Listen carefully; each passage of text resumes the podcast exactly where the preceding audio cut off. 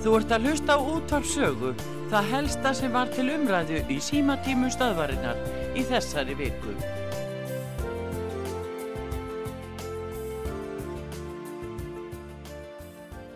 Ég heiti Sverri Magnússon. Sælsverður? Ég hef aldrei hringt í þig áður. Nei, gjör það svo vel. Takk. Velkomin. Ég var að hlusta á þarna, þetta sem þú varst að tala um í morgunum lífyrsjöðuna. Já. Greinin í morgunblæðinu, ég les nú aldrei morgunblæði. Nei, það voru tveir þarna lífið Já, það sérfræðingar. passar. Já, En ég var að hugsa um það að við sem, aldraðir, ég er nú háaldraður, að við höfum verið skertir lengi og alltaf á að ráðast á garðin þar sem hann er lægstur. já, Ég man ekki betur en að Bjarni Bendiktsson sendi öllum öldröðum bref fyrir kostningarna 2013 og lofaði að við kemur til valda að afnema allar skerðingar. já, Og fyrir ekki þessa kostningar heldur hinnar, þá sagði Katrín Jakobsdóttir fylgdi enga byggð að leiðrétta kjör eldri borgara og öryrkja og það verið nógu peningar til bara að hækka veiðgjöldin og það veit allir hvernig það fór. já, já, já, Nú það er sagt að Íslandi er heimsmet í skerðingum.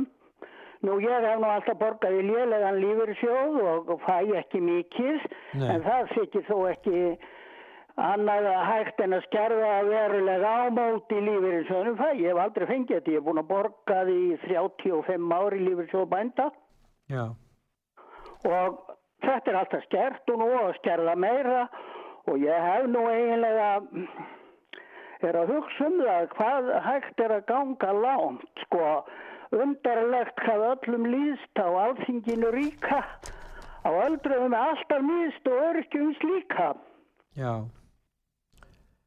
Það er kannski ljótt að segja þetta Mm, Já, sko, hvernig raukstiðja er þessa kaupmáttarskerðingu, þess sem að þeir eru að tala um, þessi tveir? já þá þarna? vantar bara svo mikla peninga í alls konar sökk Já, það er rétt.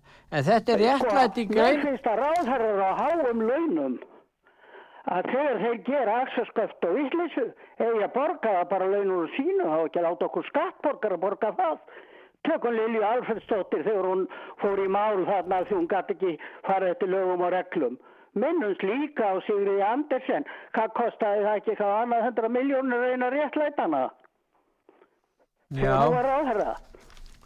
en það er aðtiklisvert í sambandi við réttlætinguna. Það er búið að leggja fram frumvarp um þessa kaupmáttaskerðingu og í greinagerð með frumvarpinu segir til að réttlæta þessa kaupmáttaskerðingu. Þar segir, er þetta gert til þess að dragur misræmi milli tekju áallanir e, lífeyristega og Já. raunverulega tekna hans sem leiða gætnan til þess að lífeyristegi þarf að endugreiða þegar að fregna, fengnar greiðslur þegar fengnar greiðslur frá almannatryggingum. Já. Tillagan er til hagsbóta fyrir lífeyristega og tryggingastofnu. Það er að segja, Já, það er til hagsbóta fyrir lífeyristega. Ég upphafi vega þegar að þessi lífeyrissjóðu bænda Já. sem var uh, fór á stað 71 og ég borgaði þá var sagt að þetta ætti alfara að vera umfram þetta hefðbunna frá ríkinu, elli lífeyrir og annað. Svo já. aldraðir gætu lifað með reist. Já, en, en í þessari greinagerð með kjaraskerðingunni, gagvart lífeyrissegum, þá er sagt að tillagan er til hagsbóta fyrir lífeyrissega. Já, ég Það er til hagsbóta fyrir, jú, það er til hagsbóta fyrir lífeyrissega að verða fyrir Já, ég kjaraskerðing. ekki þessar hagspætur. Já, til, til að verða fyrir kæraskerðingum vegna Já. þess að, að ef hann fær hækkanir á árunu þá þarf hann að greiða þær tilbaka og til þess að fyrirbyggja það að verði hækkanir á milli mánuða sem að minni skekkja útreikningin á áallina gerð hans þá er svo erfitt fyrir hann að greiða tilbaka, það er miklu betra að fá þetta alls ekki. Þannig að það er svolítið merkt þá er þetta hagspóta fyrir tryggingastofnun og lífyrirstegar. Þetta er náttúrulega einhver förðulegustu rök sem ég hef nú æfinni Þetta er alveg stórförðulegt Já. að láta sér þetta í hug. Já, það er rétt. En þeir ætla að gera þetta. En svona er þetta nú. Já, þetta er svona. Ég veit það ekki, ég, ég held að þó að Ísland sé nú gott land og, og mikil mannréttindi að mannréttindi eldri borgara eru fyrir borðborin og örkja líka, það er alveg horrið, sko, vil ég meina. Já, en við... Að það sé, og ég bara skil ekki eins og búið er að lofa og lofa í þessu að það skuli aldrei vera staðið við það. Nei. Já, það er ekki stað, það er náttúrulega verið að lofa þessu rétt fyrir kostningar Já, til að fá atkvæði. Já, það er glemt þegar búið er að kjósa. Já, það er ekkit glemt það bara, það er, þarf ekkit að gera neitt í málunni, svo er bara hægt að endur nýja gamlu. Já, já, svo en, þegar að kemur að... En eldri borgarar eru nú náttúrulega allt í fjölmennir og þetta er eiginlega í rauninni eiga þeir þetta. Nú það var ágætt þegar þessi ríkistjórn tók við núna. Já. Þá var hækkað hérna frítekjumarka eldri borgara já, já. á atvinnutekjur.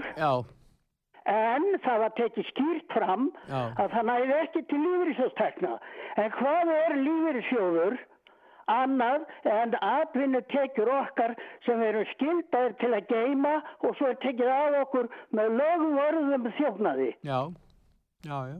Það er maður alveg sýtt En þetta, ah, þetta, þetta, nýjast, þetta. þetta nýjasta útspil í þessu frumvarfi er afskaplega, ég veit ekki hvað orðið um að nota um þetta en það, það er bara verið að segja við fólk þegar verður að rýra kjöri þess neini, það er verið að gera ykkur greiða með þessu, þá þurfum við ekki að, að, já, já, að þá verður ekki krafinum endugreisli að þið hafa fengið á mikið orð Ég bara skil ekki alveg að ég held nú að Sko, fyrir löngu síðan þá saði ég mjög úr framsóknarfloknum þegar hann var á KV70 og Haldur Ástinsson heitin var að eðilegja hann. Já.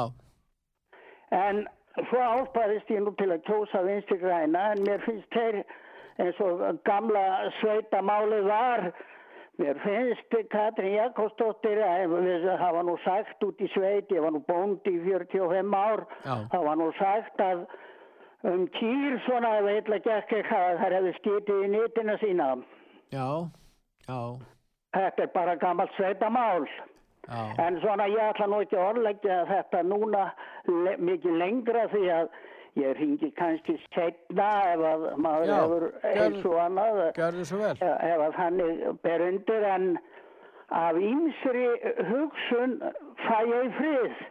Flókið er að rata Alltaf styrkir í haldið. Ósköp ráðilt kata. Takk að þið fyrir að ringja. Já, takk fyrir. Best.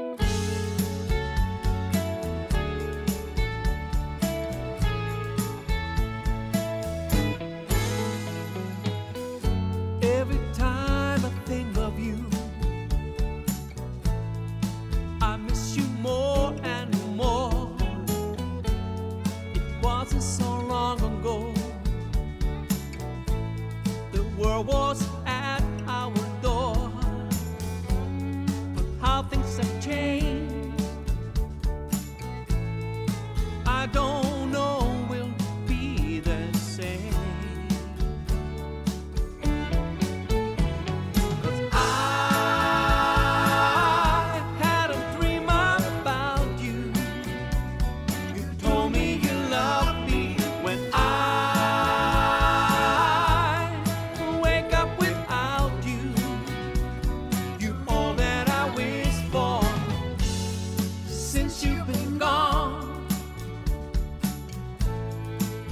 nothing left.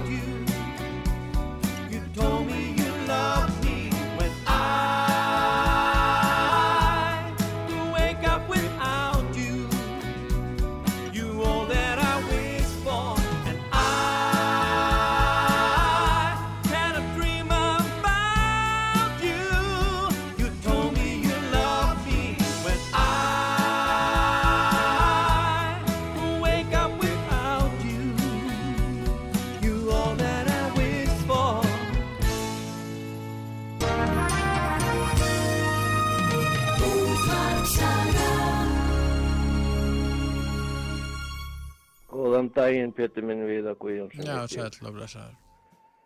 Ég er svo aldeilis nexlaður. Já, þetta er þetta með þessa ráðherra, sko, get ekki, sko, Býtu við nexlaður á hverju við það, já, svona hvernig orðaval ráðherran segja, sko, akkur hann getur ekki verið nærgætnar eins og ég til dæmis, Er í að um- orðavali og, og svona, hvaða ráð er þetta að tala um? Er þetta að tala um sigur þá? Já, svona, já, bara, já, er ekki umræðan um einhvern þannig, það var ekki nú, nóg varkárir í orðum, veist, ég oft verið að tala um þetta nefnilega, nærgætni skal höfði nærveru sálar. Já, og vera svolítið svona diplomatískur í framkomu og Að- þetta finnst mér vanta svo mikið. já, aðgátt skal höfð í næru veru sálar, já það er. Já, já, já, já. En hvað finnst þér? Finnst þér ekki, sko, gæti maður tekið á einhvers konar svona uppeldi á, á, á svona, En- End, endur uppeldi, endur, já, Menntun, endurhæfingu, sko, að endurhæfingu. þetta, eh, veist, það er bara, fólk kann ekkit orðið að tala saman, sko. en er hægt að kenna fullordu fólki í endurhæfingar? Hérna, Já, já, já, ég get alveg tekið að mér svoleiðis svona gegn vægu gjaldi.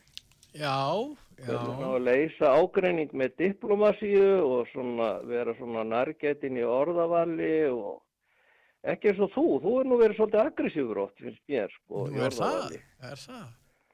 Já, já, við skulum ekki tala um það, en, en við vorum nú að rökraði í gær þarna, þú varst nú ansið með mikinn ofsa gagvart sko Ofsa? listanum sem var ekki byrstur. Hann var byrstur. Já.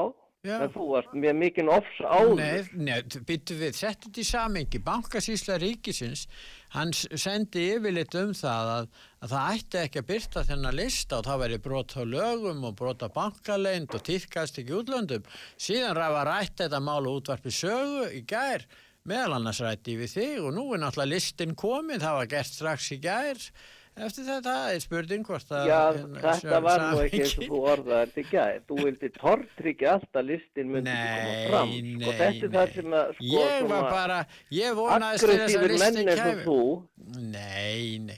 sem kunni ekki að vera nærgætnir og, og svona diplomatískir í framkomu. En finnst þér ekki að að bankasýslan eh, eigi svona útskýra það? Hvers vegna er verið að brjóta þá á kaupendunum að mati bankasýslunar fyrst að listin var byrtur? Hvað Nei, ég er bara að segja að Bjarni sagði skildi byrta listan ef, að, ef að það er því leift lagalega og svo byrti Bjarni Benediktsson listan. Já, eftir, eftir að bankasýslan hafi sagt nei, gegn þá vilja bankasýslan. Ég veit ekki hvað, hvað en hann byrti listan þvert á það sem þú sagðir. Nei, hann byrti það vegna þess að það var þrýstingur á hann að byrta listan, annars hefði hann ekki verið byrtu.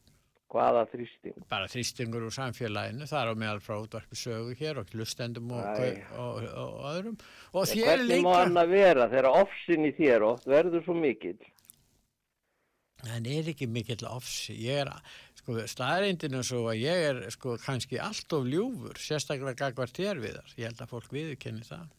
Nei, þetta hef ég nú sagt mörgum sko að, að þú er að temja þig frekar sko hvernig ég hafa oft mín morðum svona meiri Þú nærgætni. getur nú ekki afvopna þá algjörlega sem er ekki að sammála þér við þar, þú mátt ekki hugsa það. Já, svona, en, en hvað um það? Þegar náttúrulega kemur á listanum fullt af mönnum sem eru að kaupa líka. Já, hver eru að kaupa? Hmm. Ég veit ekki, mér kemur rauninni ekkert við sko. Nei. Ég er bara svo fegin að sko þarna er búið að selja eitthvað sko sem Já. að ríkið, sko leið og ríkið er með eitthvað milli handana. Já. þá verður alltaf tap. Endalust Það er ekki tap á landsvirkjunu, það? Ha, Það er ekki tap á landsvirkjun, þú segir sjálf tap hjá ríkinu, er það rétt? Það var ekki tap á, í reikisböngunum, þeir skjafa skila hátt upp í þúsund miljardar síðan frá hraunni, þannig að það er ekki Það rétt hjá þeir. Þeir hafa að skilað þú miklu að meira en þegar segja. bankarnir voru engabankar. Ha, segð, býtu, segðu þetta alltaf. Enga, sko, ríkisbankarnir frá hraunni hafa skilað miklu meira heldur en engabankarnir skiluðu. Það er út af því að eignir hafa verið að hækka. Veist það. Það er bara, er bara reikning, sko. Þetta er ekki út af því að sé að græða á einhverju viðskiptavinnum. Um að Það er nefnilega vandamáli sko, sko. sem að fólk skilur ekki. Það er ekkert verið að græða á fólkinu sem er að stunda venjuleg viðskipt. Ég er lindur enga framtæki en þegar það er engi samkeppni eða lítil sem engi samkeppni eins og í böngunum þá er alveg skott að ríkið eigi Samkeppni? Það er gríðarlega samkeppni. gríðarlega, það er orðið samkeppni bitcoin, rafræna myndir og ég veit ekki hvað og hvað. Það er engin raun af samkeppni við bitcoin á íslensku Þá böngunum. veist ekki hvað er að Og gera. heldur þú að einkafram- Skelvilegir heimar. Voðalega er þetta, þú verður að viðkenna það að það er lítil samkeppni um milli íslensku bankana sem enginn, því miður. Í er hverju á að vera samkeppni? bara í vöxtum og, og þjónustu Það er búið að vera allt og lágir vexti, Pétur. Þess vegna menn kom á- þessi verðbóla á fastegnamarkað. Bankarnir eiga, að reyna að hafa góða vexti og góð viðskipti sína viðskiptamenn og keppa við aðra um það. Og þeir eiga að hjálpa sínum viðskiptavinum í sínum fyrirtækjum, reyna að skilja Oj, það já, þegar að er gera. vöndun er á fjármunum, að þá skilja er það og hafi í raun og veru mannskap og skilning og atvinnulegsti. Það er bankar eiga fyrst og fremst að gegna hjálpa hlutverki en ekki að vera ykkur gróðamaskina. Ef þú manst fyrir mörgum árum þá var ég að benda þér á hvað gerðist í Svíþjóð þegar vextir voru lækkaðir. Mm. Þá hækkaði fastegna verðin 30% af því að þá fór allir að kaupa. Þeir voru handstýrði niður. Já, Og hverjir töpuðu þá? Þeir sem voru að græða, nefn kaupa. Nákvæmlega eins er ekki búið að gerast í Íslandi. Bankandi fór að lána allt og lágum vöxtum. viltu ekki bara hafa svo háa vexti hérna að kaupa engi fastegnir og það er ekki bara fínt? Ég vil hafa bara réttláta vexti. Réttlátar. Svo kemur verkalýs forkólfurinn Vilhjálmur Birgisson að hamra á ymsu og, og rugglar fólk í rýminu Nei, hann- algjörlega. Já, ég átti viðtal við það núna. Fannst þér það ekki gott viðtal? Ég man nú ekki hvað var að segja, ég bara oft held bara fyrir eirun, þetta er bara Nú. eins og öskraðin í eiráðamanni, sko. Hann er bara mjög skinsamur í Hann- þessum málum. Hann Það er ekki öðruvísi. skinsamur. Jú, hann er það. Manstu þegar hann réðist með offorsti á verðtrygginguna? Já, þetta var alveg réttmætt að, að hafa Nei, áhyggjur af nei, því. nei, nei, nei, nei, verðtryggingin er búin að skapa þvílitt sko stöðuleika. Nei, nei, nei, nei, þú var ræða stöðuleiki eftir 2008. Var stöðuleiki á 10-15.000 heimilum sem mistu heimili sín. Var það engin stöðuleiki á Mistu þeim? ekki teimnið, þú Ja. kom út í rugl með Ja, lántökur þá, allir voru að kaupa á yfirverði og, og, og kaupa og, og gerðist það? Það var ekki efnahagsumhverju sem bauð upp á það, ekki stýrið fó einstaklingur því. E, Heyrðu, þetta það- var út af bara fyrirhyggjuleysi fólksinn. Fyrirhyggjuleysi, menn byggust bara við því að efnahagsumhverju var eftir að treysta því. Það var náttúrulega ekki hægt að treysta því, frekar en svo mörgu öðru í okkar Það voru bankabóarnir, ég skal nú viðkjöna að þeir voru nú ískikilegir margir maður. Er þeir ekki að kaupa, góða sögur sem ég geti nú fært lustendur. eru þeir ekki að kaupa núna í Íslandsbanka sumir þeirra? Ég held, veit ekki betur. Jú, en þetta er orðið Ja. allt annað sko Já, umhverfi. Nú er já, búið það er að, taka fjármála eftirlit og setja inn í selabanka svo þau Já. viti hvað hver hægri og vinstri höndin er að gera. Já, já, já, já. Þannig að þetta gerir svona Þetta hægt er og orðið ráða æðislega gott umhverfi. Já, já, heimilt. Þökk sér Bjarna og svo var hann að tala hann í morgun eitthvað og það bara er allt æðislega flott sem hann er búin að gera. að segja mér, akkur, var svona dýrt að, að vinna að koma þessum brefum á marka kostaði 700 miljónir hvað rugl var það? Hver, Það er hvaða að að það er mikil grunnvinn á bakvið þetta, koma þessu rétt á marka að ruggla ekki nei, hafa búið að að bjóða þetta út áður og þeir hafa aðgang að lífeyrissjóðum, það er eitt símtal. Og svo er allt í einu að taka í 700 miljónis, 5 söluaðilar Lífeyrissjóð. Já, að- þetta Það er nú eitt galli við Það að er að lífeyrissjóði fái. Þetta tekið Þeir eru orðnir svo stórir í þessu samfélagi að Undir- það er farið að íta enga framtækinu frá. Já, en þeir völdu Þetta það er þeir orðið völdu það. stór samtök. Þeir völdu þá. Völdu Söluaðilarnir, það? Nei, heyrðu, það voru líka engaðilar. Já, erfáir, já, já. Það er samt fyrirtæki sem voru taldir áræðilegir í því að geta skil hvað var að á þessum Þetta svarar ekki spurningun, akkur var svona dýrt að, að, að annast söluna á Það, það kostar bara fullt að- að mannskap að rekna út Nei, Þetta þetta að við þetta. Þetta er allt og há uppæð, þetta er allt Heyrðu, og há var uppæð, hvað var selt fyrir mikinn pening? þetta var, þetta var allt og há uppæð og með, þetta Þetta átti var að þetta ekki vera, selt fyrir einhver Það- 50 miljard? Ég man ekki hver var tala sem var selt núna. Já, ég menna með afslættinu, með án afsláttar, það er tala var um það? afsláttinu eða ekki.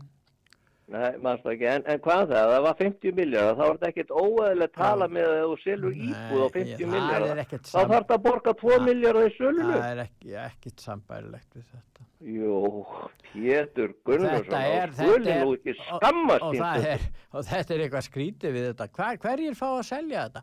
Það var ekki útbóð, það var ekki sagt, þið, það, bara, það var í fimm aðila, þið fáið að selja, þið fáið 500 miljónir. Og þetta er bara Nú, bankasýslan sáum þetta sjálfur já, og það er talað við menn sem geta gert eitthvað og kunna eitthvað inn á hennar markað. Þeir Það var fjölbreytt að umhverfi í bankanum, Að bankasýslunni. að eigin sögn segja það, já.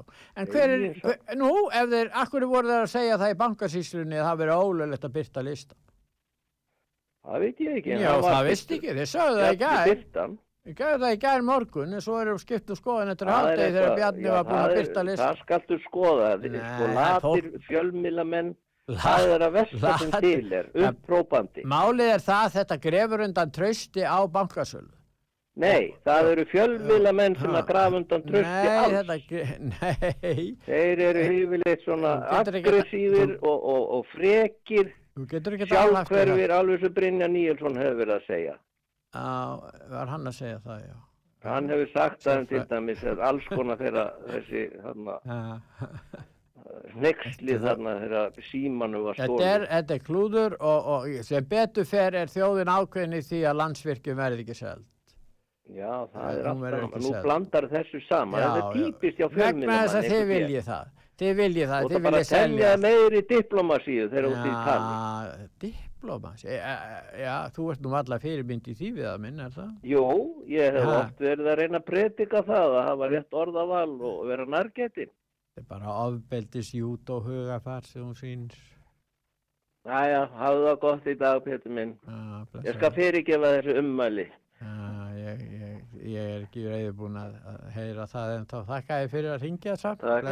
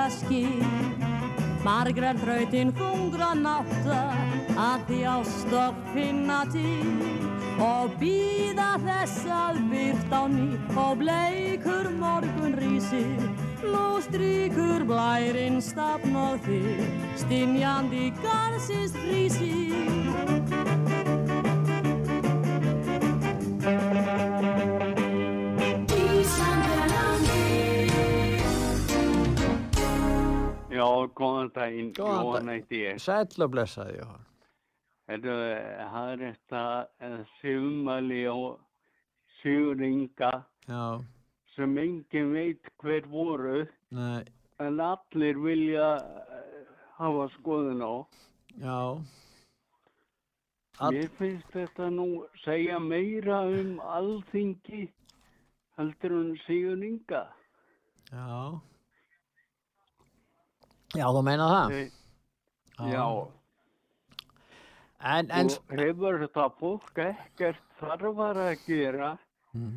en að uh, tala um svona kæftari.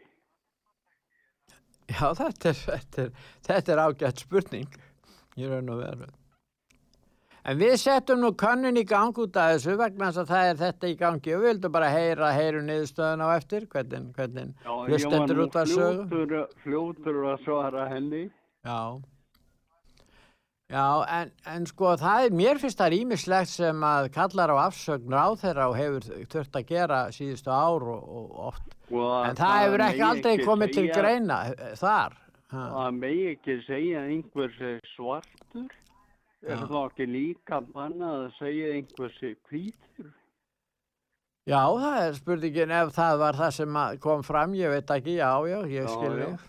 En eins og ég sagði nú í gær, það var verið að tala um, um má, hvað má segja? Má segja að einstaklingur sem ekki, já, kemur frá Afríku og er, húlítur hans er svartur eða dökkur, má segja hans er svartur, til dæmis í bandaríkjónum, þessi, þessi mál hafa nú gengið lengst og staðið lengst yfir, hérna þessi, þessi sjónamið að má nokkuð segja sko Það er- hérna Black Lives Matter. Já, ég var alltaf að segja það, Black Lives Matter, þeir, það er engin, þeir sjálfur svartir, svartir bandaríkjamenn hafa ekki gerð engar aðtúðsemtir við það að vera að kalla þeir svartir, ég held ekki. Nei, það er... Nei. En ef við sem erum eh, hvítir segjum eitthvað, segjum að menn séu svartir, Já. þá verum við í djúpum skýt.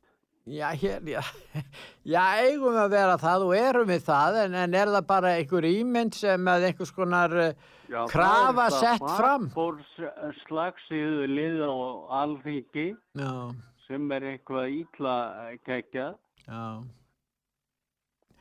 Já, já, ég, ég veit það ekki. Mér, mér finnst allavega eins og ég, það er rétt hjá þér. Það hafa menn ekki eitthvað þarfar að gera. Það eru alls konar vandamál sem herja á þjóðina og það væri mjög gott ef við notuðu orku og tíma til þess að reyna að finna lausnir á, á þeim mikla vanda sem að þjóðin stendur frammi fyrir og hér er bullandi fjárlægahalli, hér er verðbólga uh, og, og hérna og ímislegt Það er ekki skipta nokkur máli á svona bulli. Nei. Ég ætla að tala við hann Vilhján Birgisson núna klukkan eitt, verkalýsfóringja, leittók á Akranissi og, og hérna og ræða um, um, um hvernig þau mál standa. Það eru mikilvæg mál, það eru raun og verið kjör, kjörin í landinu og hvaða möguleikar Já, er eru það- þar. Verður hann klokkan eitt hjá þér? Já, Já, þá veit ég hvar ég á að vera. já, já, Þú er að hlusta. já, já. Það, það er alltaf gaman að hlusta á hann. Já, mér, mér er gott að tala við Vilhjálm. Mér veist Vilhjálm að vera sangjarn og hann lýsi, hann hefur bara sína, sína ákveðnu skoðanir og raukstiðu þær og er gott að heyra í honum. Já, og eh, sko meðan menn eru að trúið því sem þeir halda fram, Já, þá er, þá finnst mér þeir hafa mikið til sínsmáls. já. Nú við heyrum hvað hann hefur að segja klukkan eitt af Vilhjálmur Birgisson. Herru, ég þakka kjærlega fyrir Takk að fyrir að ringja, blessaður. og blessaður.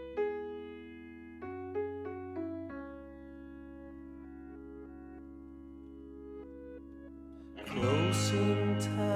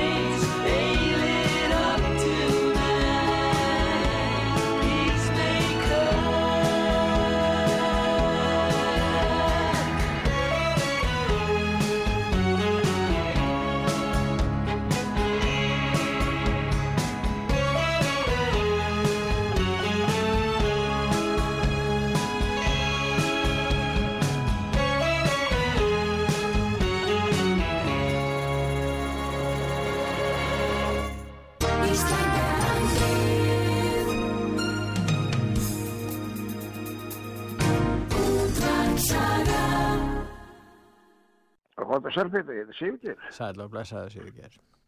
Heyrðu, Það eru blessaði frásögnamennir. Já, hvað segir þú þá núna? Er þeir í vanda? Nei, þeir eru nú sérfræðingar í að ljúa og ljúa sig út úr hlutónum. En, en eh, sko það er nú ekki rétt þessu.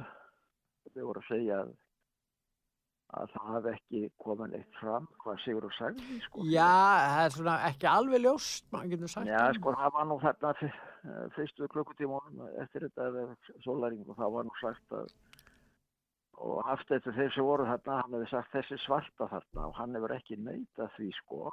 Já, En eh, sko, ég, ég sko, veitalna er Sigurður ekki rasisti en Nei. veið ekki tala svo rasistar og já. ég fannst nú eiginlega bara sorglegt að sjá Karl Greið í gær sko því að hann bara gerði nú ennþá verra heldur en sko þegar hann uh, var spurður hvað eftir annað, hvað sagður þið? Og þá segir bara maðurinn næri því að það er verið svo svakalegt sem hann sagði að þess að geta segja það aftur. Já, hann vildi ekki endur Og þá, taka. þá, þá er þetta nú orðið hálfu verra ef að maðurinn, e, sko, annarkvort ef hann veit kannski ekki hvað það sagði, þá er það ekki gott, mjög slemt ef ráðferða. En ef hann segist að hafa sagt eitthvað sem sé svo svakalegt að það sé ekki hægt að segja það aftur. Er þetta alvarlegt þe- Í þetta er, gra- sko, það er sérstaklega vegna lagana sem voru samþýtt þetta 2018. Og það er náttúrulega skýrt ekki fram í stjórnarskrá að það með ekki mismuna fólki eftir kynþætti. Það- það- Nei, nei, það er ekki verið að missa spurningunum. Já, það, nei, sko, það, er- þetta, er, þetta er orðalagi. Já, þetta er og- spurning hvort það sé verið að og brjóta þegar, á þú, þegar þú bendir sko, á, á fólk og segir þessi svarti þarna, þá ert að gera lítið úr honum, þú ert að gera, það, það er ekki hægt að líta neitt öðruvísi á það. Tilgangurinn er sá að eh, þó að þetta sé ósjálfra viðbröð og, og þetta var nú bara hér á Íslandi menn eh, höfðu þessa skoðun að svertíkir væru eh, ég var nú með sér á skipið þegar við komum til bandarækjana 64 á 64. skipinu það var að gamla jökufellu að þá vorum við tveiri klefafélagar og það var bóndust en að héraði, Já. mjög góður maður, kennari, sem var líka bóndi Já. og við fórum að lafa upp við höfum fórum að koma þarna og það var í Philadelphia, er kampinn hérna með fljótt og hann, eh, ég skildi aldrei í því að hann, eh, hann var alltaf að segja við, að, við, við skulum færa okkur yfir og uh, þá, þá, svo var hann nú hættur því og þá var hann að hlösa át í lofti svona og, og segir svo, finnur þú örvísi líkt að þeim sjúkir? Því það var tölvert að sverti ekki með kantin, þetta var voru verkamenn sem byggu þarna mikið, þetta var, sambandi var með versmiður þarna, Já. en Sigurður á bara að stíga fram og segja bara hvað hann sagði. Ef hann veit það ekki, þá er þetta nú ekki mjög gott. En ef hann hefur sagt eitthvað svo hróðalegt að það sé ekki bara eftir því, að það sé það bara ekki hægt að segja það, þá er það líka slæmt. Hann von... getur, getur ekki logið sér út úr þessu kargreið, það, það gengur ekki, hann verður að segja bara hvað það sagði, byggðast afsökunar á því Hann að og bara segja það ég var fullur, segja það líka í staði fyrir að segja það að í kvöld á, á að segja að ég var nú bara búin að fá mér eitthvað. Og en framsögnamenn það er sko, þetta er mjög alvarlegt af því það eru lögu í landinu og það eru líka lögu í öðru löndu sem banna viss orð, eins og, og nigró, það er bara bannað í bandarækjónum, bannorðið, þú veist það, mátt ekki segja það, þá er þetta að draga þig fyrir dó. Og, en þetta, en svo viðtallega er margt fleira sem er slæmt, þessu banka að ve- handvelja eh, velja fólk þarna og handvelja fjárfesta, þeir segir það var handvalið, þetta þeir eru valið fjárfesta, en þeir handvöldu fjárfesta. Sem njóta friðhelgi og lendar. Já, ég meina þeir þeir þetta er bara spillingar líktin að þessu hún fer um Það er ekkert verið að byggja um afsögn út af þessu máli. Já, hvernig á að byggja um afsökk, það er fjármáraðurinn, hann vilur í bankasýsluna, en allt ekki samþykir þessa, þessa menn í bankasýslunni, Já. það er allt ekki satt sjálft sem samþykir þessa menn í bankasýslunni, þeir handvöldu, já, sko sjá til að lögin um fjárfesta og fagfjárfesta, lögin um fjárfesta er þannig að þeir, get, þeir geta talist fagfjárfestar sem eru bara búin að vera í því að kaupa og selja hlutabrið og það er ekki tiltekið hvað þarf að vera mikið makt og þetta er bara handvali þeir, þeir byrja þessu nokkru dögum áður en þetta fyrir útbúðu þá fer þessi, þessi spillingar klíka í bankasýtlunni á stað Mm. með að skoða lista yfir þá hverja þeir eigi að velja sem fagfagfjársta og það getur bara verið einstaklingur sem er búin að vera að selja og kaupa hlutabrið. Ég hef gert það, ég var ekki mm. sambandið mig, en Það þetta er þetta sára lítið sem ég verið Það skiptir máli að eiga góða vini þá. Skiptir það máli Þetta að er eiga bara góða vini. spilling og spillingar, þetta er bara lyktina þessu er út um allt og alþingi lyktar allt af spillingu. Það samþýtti þessa menni þessa bankasíslu og hún velur, hann, hún síðan handvelur þú, hún byrjar nokkur dögum fyrir útbóðið að handvelja þá sem að eiga, eiga að taka þátt í þessu og handvelja þessar svokvöldu fagfjárfesta. Og þeir eru bara valdir kannski eitthvað út í loftiði og sagt já þessi er búin að kaupa þetta mikið hlutabrifum og þessi er búin að selja við skulum taka þennan ekki hinn. Og lyktin af þessu er svo svakalega að ef allt ekki tekur sér ekki til og flettir óna þessu spillingar bæli er eitthvað alveg þar hittum mynd Heyrðu, ég þakka ekki Þakka þið fyrir að ringja. Skríti hvernig allt nú er. Ég skoða enn og aftur myndirnar af þér. Í skotum hugans búa minningar um allt Það sem ljúft var um bjart vor minn gæðu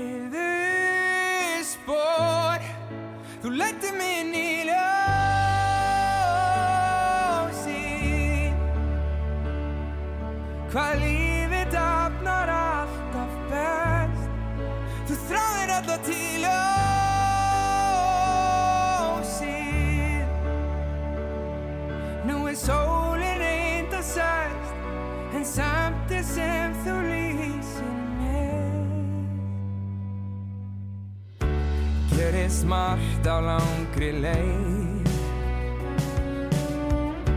Líka sumt sem getur valdir einhver reið Það veltu þanga við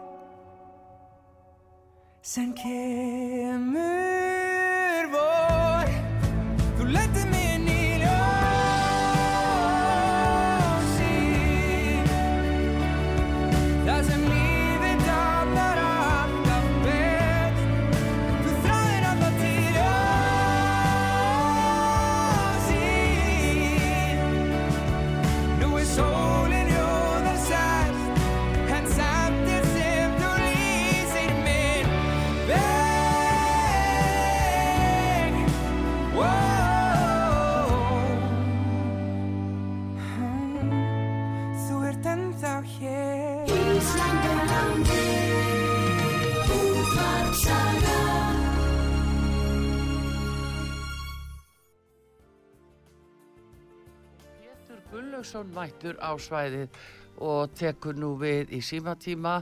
Númerið okkar í útsendingunni 5881994.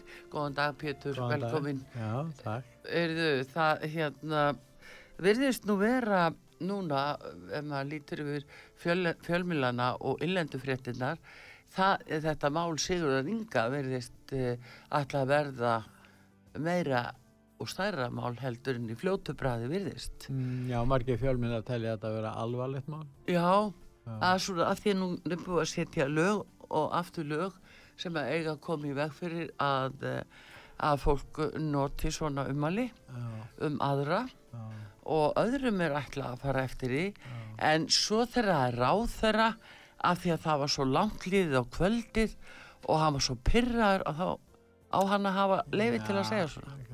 Já, aðrir hafa verið Hann ákærðir. segist það verið svo pyrraður. Aðrir hafa verið ákærðir fyrir ummæli. Og voru ekki pyrraður. ha? Ekki pyrraðir, nei. Nei. Nei, nei, það er svona, en hérna spurningar er hvort hann að segja af sér, erum með þessu kannun í gangi. Já, en hver er orðin trúverðuleikin og það er þetta sem er. Það er spurning alltaf um trúverðuleikan.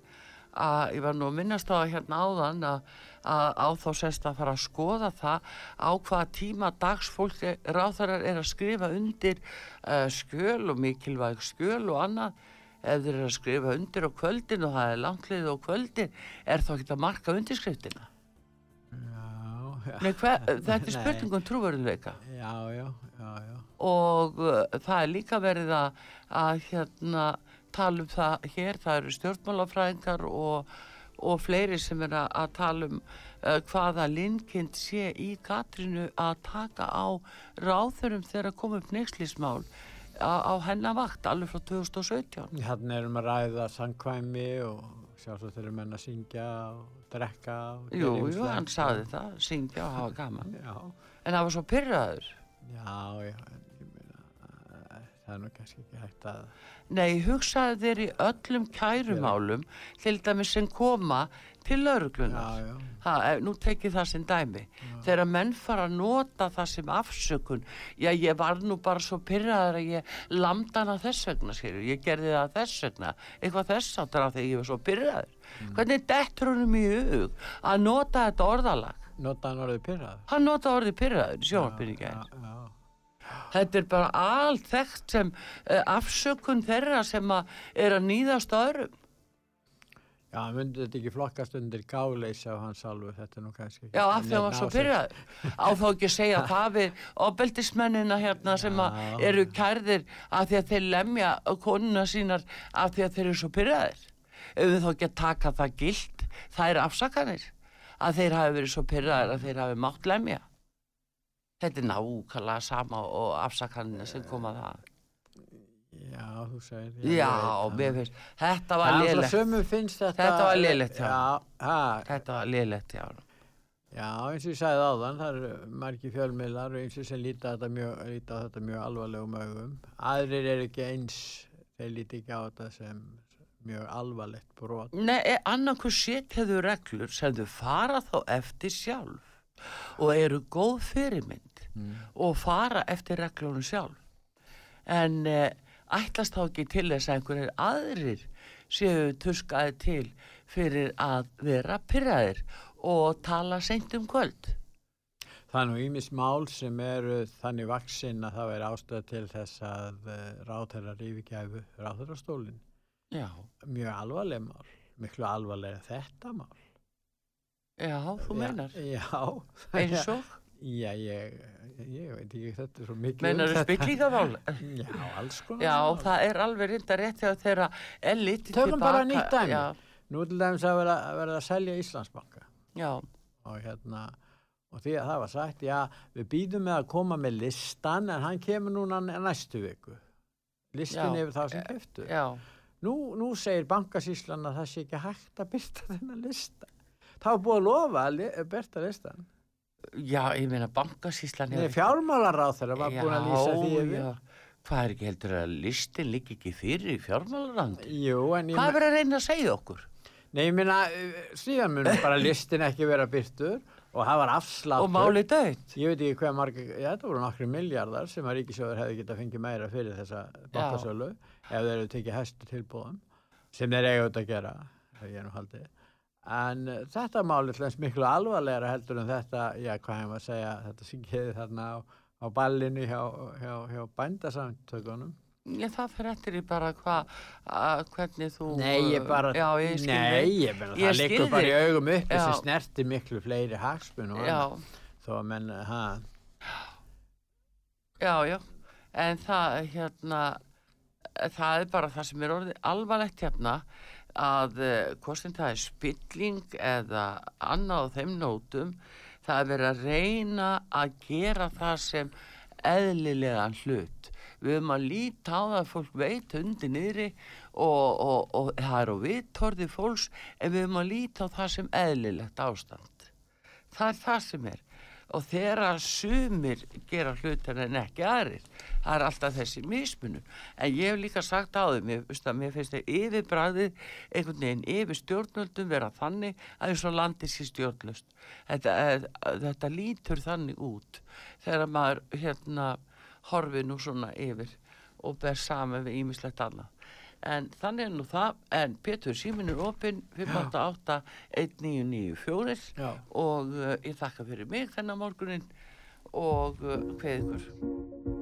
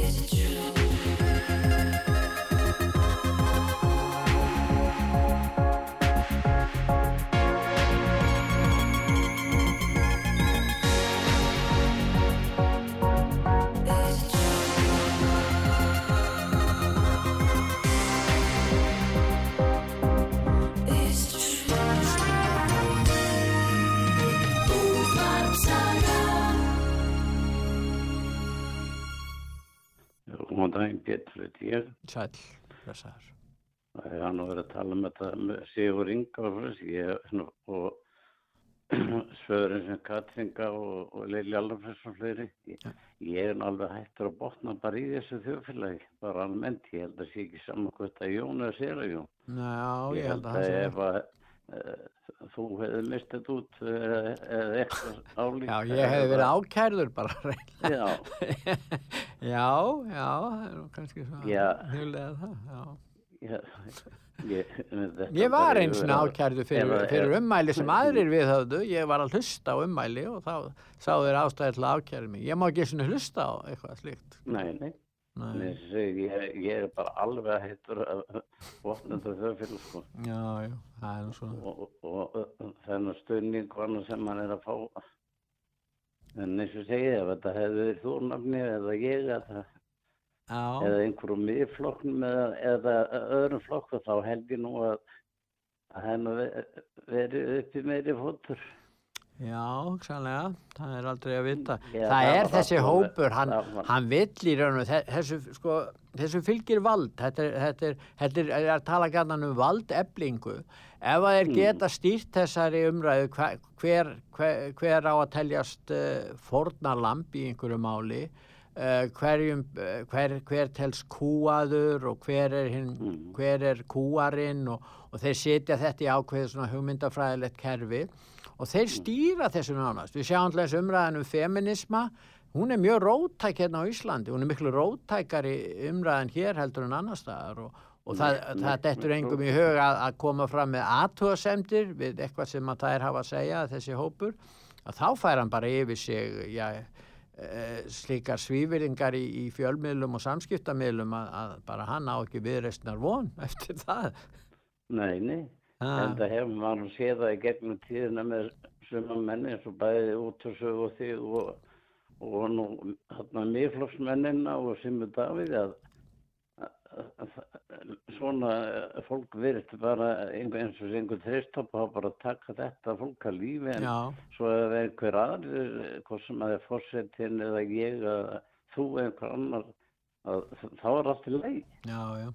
ég, veist að ég bara skil ekki orðið amlega þessu umfjöllun og, og svoleiðis og, og, og með hana Katrínu þar sem hún sagði og tók þátt í útfæðslu ég bara ma maður er bara orðlaus Já, sko, um, uh, máli snýstu auðvitað um það að sko grundvallarreglan á að vera þannig og í bæði réttaríkisins og í samfélagi, svona síðu samfélagi, það er að allir standa jafnfæti skakvart lögunum.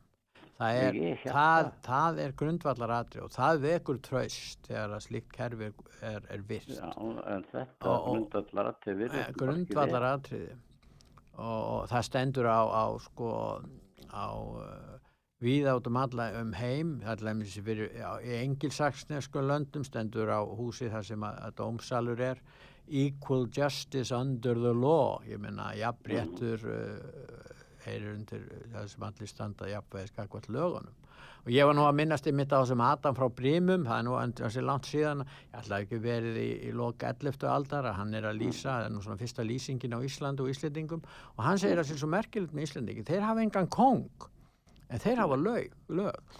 og, og skilur og það, það er með það að menn verða sko að, að hérna að virða lögin en ekki þeir eru raun verið að segja, hann er að segja það líkir ekki geðþótt á Íslandi heldur verða menn að fara eftir lögum virða þau Þannig var það í, á þjóðveldisöld og það er svolítið merkilegt að kannski hefur ekki, ekki átt í stað mikla framfærir núna hjá okkur þó að menn sé stöðut að, að tala um jafnrétti. Nei, ég, eins og ég, ég veit, áttum ekki annað lók hvað þetta gefrætti er og, og, og, og hvernig menn eru gefnir í, svona í þjóðfélaginu.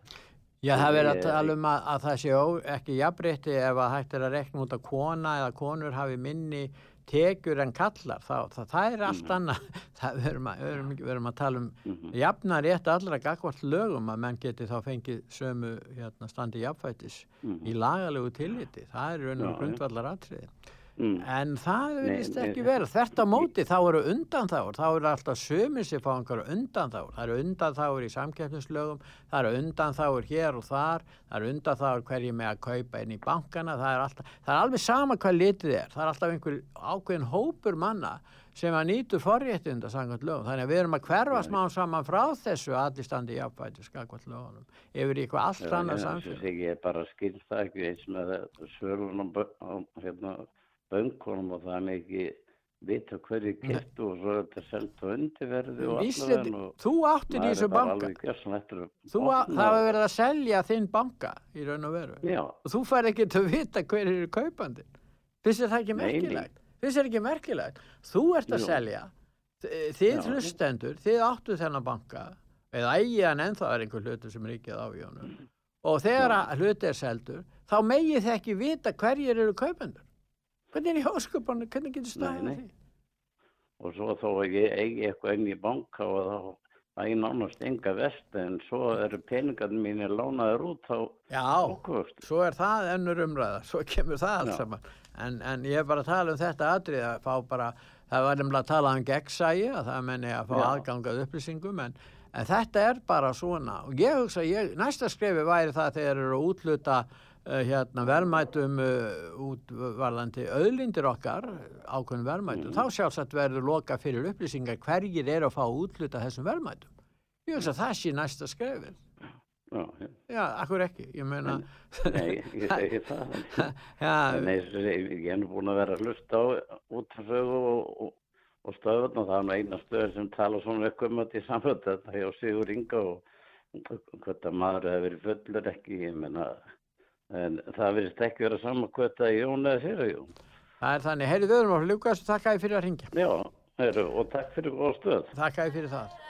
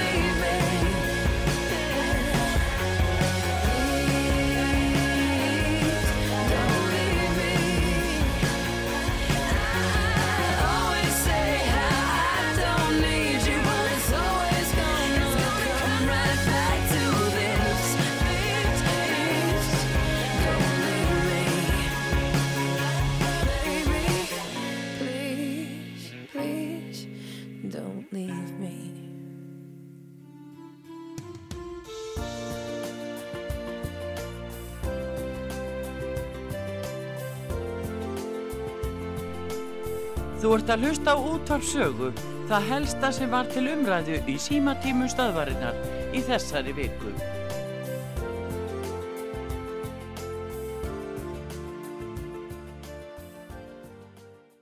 að blessaði Pétur í Ragnar, ég ætla að bjarga þér þessu rólegt að gera þér. Nei, alls ekki, það var bara alls ekki drólegt í morgun. Það er langt frá Er því. það, já. En að ég samanlega þessar sprautur hann að vera að tala um hana og var eitthvað þöggun í þeim sem að vera að drepast eftir sprautur. Já, það var, já, Ég get, ég get ímynda mér að þetta sé hættulegt. Ég las þarna þjóður í gæðin sem var bólusettur 90 sinnum. í, í, í hvar var hann bólusettur í Þískalandi? 90 sinni. Hann hefur- hann hefur væntalega tekið auðra fyrir að fara í bólusetningu fyrir aðra. Já, Hann var bara fara í 90 sprautur. og hvernig líður honum? Líður honum bara vel? Já, honum líður ábyggilega ekki vel því að hann er komin í steinin. Já, svo leiðis. ég reikna með hann að líði ekki vel, sko. Nei, Mér nei. Mér langaði nú að tala um annað. Ég er af þessu þrý bólusettur. Ég, ég tel mig ekki að hafa fundið fyrir þessu. Nei, En maður veit það ekki. nei. Heyrðu, mér langaði svolítið að tala um þetta Sigur Inga og, og, og Lilju Alfares um helgina. Já, Mér finnst alveg ótrúlegt, sko, í fyrsta lagi að eh, svona, þetta er nú bæðið, sko, þetta er nú bæðið, sko, hvað ég voru að segja, fundur til stefnumarkunar landbúnaði svona og, og, og áherslur svona á, komandi ári og svo er þetta svona hálfgerð árshátti. já, þetta er partí eftir fundin. Já, eh, líka, Já, Eh, hvað pólitíkin spilar þetta mikið inn í eins og hjá Lilju og, og, og hjá Sigur Inga sko. Eh, hann ætlaði nú ekki að halda á sjálfstæðismanni sko, það var þessi stúlka þarna. Já, og, og, hún er nú framkvæmdastjóri hérna bændasamtakana já, þessi hessler þarna, já, Já, já, og svo formaðurinn sko alltaf að kíkja þarna í partíð, þetta eru í stjórnmálaflokka sem að halda svona partí, hann ætlaði inn í partíð, þetta er nú sjálfstæðisfólk, Já. sko, já, já, já, og honum var eiginlega svona meinaður ingangur og spurti eiginlega hvað hann væri að villast sko. Það var svona svolítið leiðið í kringum þetta. já. En að því þú sagðir að það hefði hvergi komið fram hvað hann hefði sagt. Já, sko, það er búið að halda eins fram í því en þá var spurningin um það, sko, það var einhvers sem spurði. Mér sýnist að það sé alveg að hreina og hann hafi sagt það átti að taka mynd af honum og það sem er öllu að halda á þessari stúlku. Já, Og þá segir hann, er það að tala um þessa svörstu, segir hann. já, já, já, Já, og, og í framhaldinu, sko, ég held ekki á sjálfstæðismann. Ég held að hann væri nú í samstarfi við sjálfstæðismann og, og mér finnst svona óþar að vera, sko, að bera pólitík hérna inn á svona, já, hvað er það að segja, svona stærstu hátíð bænda. já, já, já, já. Eh, Ég held að bændur geti bara verið úr öllum flokkum eins og bara allir aðrir, sko. En, En, en, en sko, það sem að mér, mér finnst vest er, er sko er um, aðstóða kona hans Sigurðar Inga. já, Hún hreinlega bara lígur upp í oppi geðu á þjóðinni sko og segir að hann hafi aldrei sagt þetta og hún hafi verið viðstöld þegar þessi mynd að taka, taka fór fram. Og það er bara rám, já, já, það er bara ekki satt. Nei, og þetta er svolítið skrítið sko að Sigur Ingi, þetta gerist á fimmtudag held ég, fimmtudagskvöld. Já, en sko hann byrður ekki afsökunar fyrir þetta komið í blöðin á mándin Já, þetta var komið í þingið, skilur, það, það var það sem er og, voru þessi viðbröð þingsins uh, hérna, fó, það voru, er náttúrulega bara populisma kjartaði sko, alltaf til suðum þarna, hvað heitir hann þarna lögfræðingur og þykist vera mest í mannvinnunni í heimi þarna í, í samfélkingunni þarna, sýsti skúla Helga, hvað heitir hún, Helga Valla. Og, þetta er alltaf sama fólkið sko. En, en þeir eru ekki svona rosalegi mannvinnir, þeir eru stjórn þessir uh, sko samfélkinga konar En sko ég vil svolítið líka þessu klustursmáli. já, ég tel að það hefur verið áfengi haft við hönd á báðastöðum. Já, og í klustusmálinu þá var ekki rasísk ummæli, heldur var verið að gera grína að, að, að hérna, föllum. Já, býtunum, það var nú gert grín aðla, það var ráðist að gert grín að þingkonum og konum í stjórnmálum. Já, og svona hvort að það hefði mist kynþokka og já, já, svona. einmitt, svona, Ég, ég verð nú bara að viðurkenna það bara hér og nú að þegar ég sýt í góðra vinna hópi þá er oft talað um hvort að konur séu kynþokka fullar eða ekki sko. Já, og eh, ég tel mér bara að hafa fullar rétt á því að hafa mína skoðun á því sko. já, En, en sko þá var framsóknarflokkurinn fremstur í flokki. Mm, ha, í kritiseringu á þessa miðflokksmenn sem s- þarna sátu. Já, og meðal annars Lilja Alfredsdóttir Mm. Talaði ekki við Sigmund Davíð. Og en, en nú eru við komin í sama drullu pittin sjálf. En þá á að vera nóg að segja bara afsakju og máli dött. Já, hvað með síðareglur alþingis? Voru menn ekki að ræða um það? Hvað, þetta Já, ég meina þetta, þetta mál á þessu búnaðarþingi eða, eða, eða sko eða þarna á eh, þessari krá hjá miðfloknum það hefur ekkert alþingi að gera. Jú, það var einmitt gert, það var einmitt tengt við ég já, já, jú, jú, jú, það, það, var þannig. Já, það er ekki bara ummæli sem falla í sölum alþingis, það er ekki þannig. Þetta er líka á ofinberu vettvangi og eins og þú segir sko, eh, varðandi klaustusmálið, ég meina, og allt í kringu síðara, hvaða, hvaða einstaklingu var dæmdur fyrst uh, á grundveldi síðaregna? Það var, það var þingmaður pírata. Þá sögðu píratar að vera ekkert að marka þetta. Síðan var farið, að, farið í klaustusmennina sem var svona raus, þeir voru hérna búin að vera á fyllirí og voru með svona fyllirís raus og, og svona, sumir þeirra, ekki allir, það er ekki svo hægt að sé að saka allir um, um þetta. En síðan Nei, gerist, síðan gerist þetta og þá allt í einu, já, þá, það skiptir máli hver, hver hefur, hérna, hver fer með þessu ummæli eða lætur frá sér fara ummæli. Það skiptir við stöllu málin, ekki, ekki ummæli sem slík. Já, ég bara sko ég, ég vil bara sko minna fólk á hvernig miðflokksmenn og er í rauninni ennþá lagður í einelti út af þessu Já, já, já, já. klukkutíma fundið er að yfir bjórglasi sko Þakka ég fyrir að ringja, Ragnar, takk.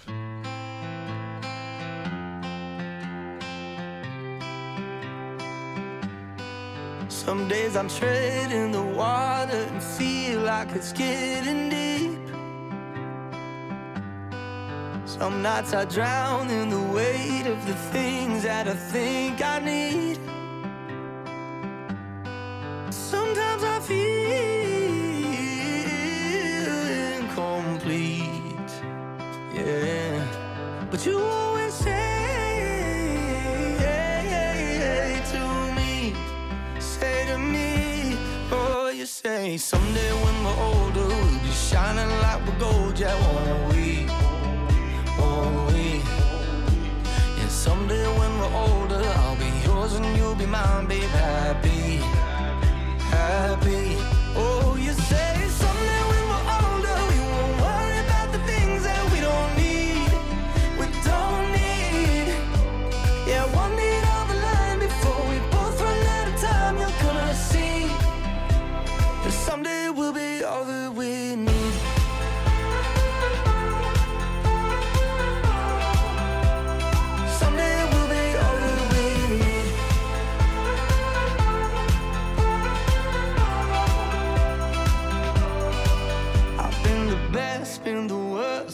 ghost in a crowded room. I took a chance, took a turn, took a dive, and it led to you. So many times that I wish we could be anywhere but here. So many times that I wish I could see what you see is so clear, so clear.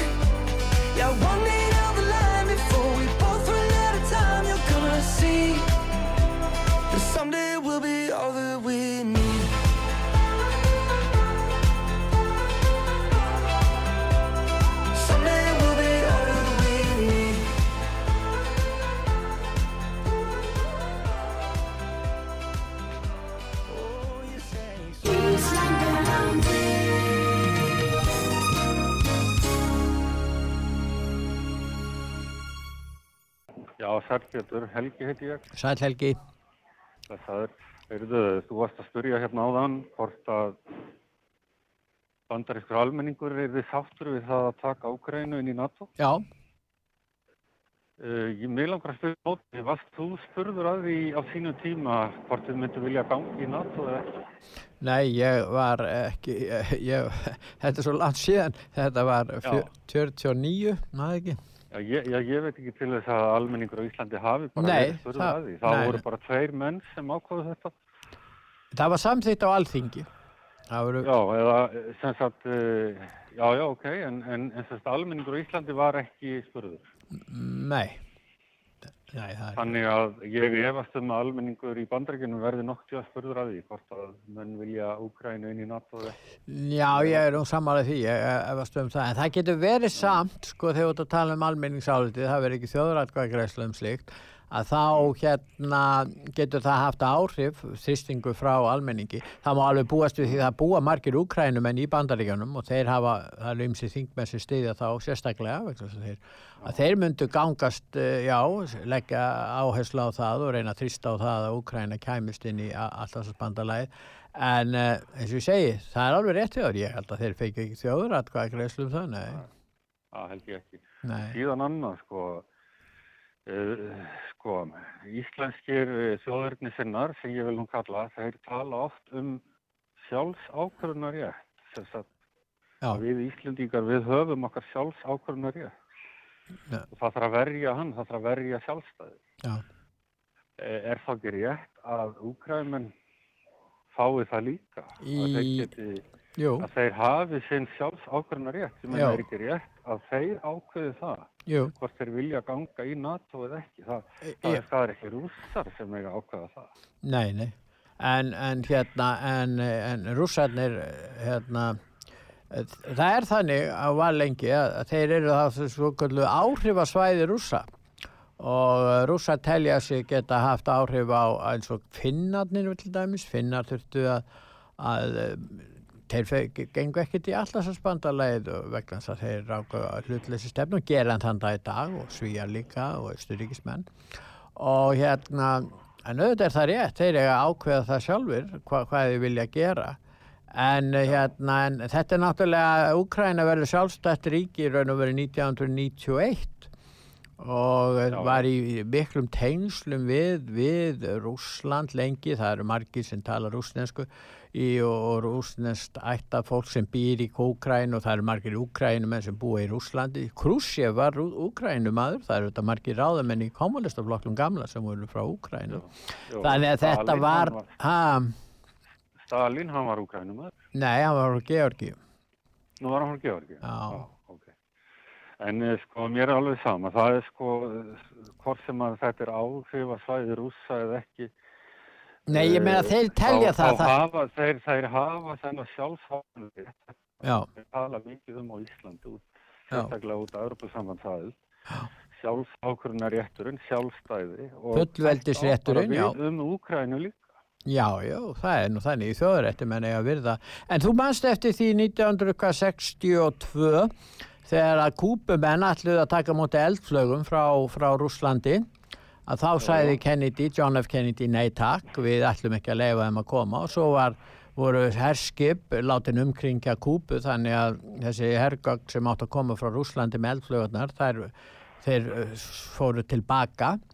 Og það var svona, það, það hefði geta leitt til átaka og þá sögðu bandaríkjamenn að við munum ekki sætt okkur við þetta í okkar heimsluta. Þeir eru með gamla kenningu sem heitir Monroe-kenningin sem var nú hvað, var það ekki 50 fósiti bandaríkjana og hann eh, setti fram þá kenningu að, og það var svo kenning lifði lengi að, að eh, bandaríkjamenn skipti sér ekki af því sem var í að gerast annars þar í Evrópu og Evrópa skipti sér ekki af því sem gerist í bandaríkjamenn en hún var náttúrulega brotin 1917 þegar bandaríkjamenn tóku þátt í fyrir heimstyrjöldinni.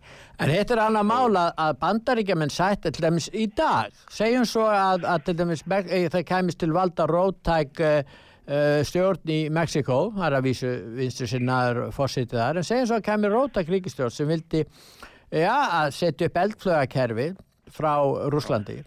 Bandaríkjaman myndi aldrei sætta sig við það, þú gerir grein fyrir því.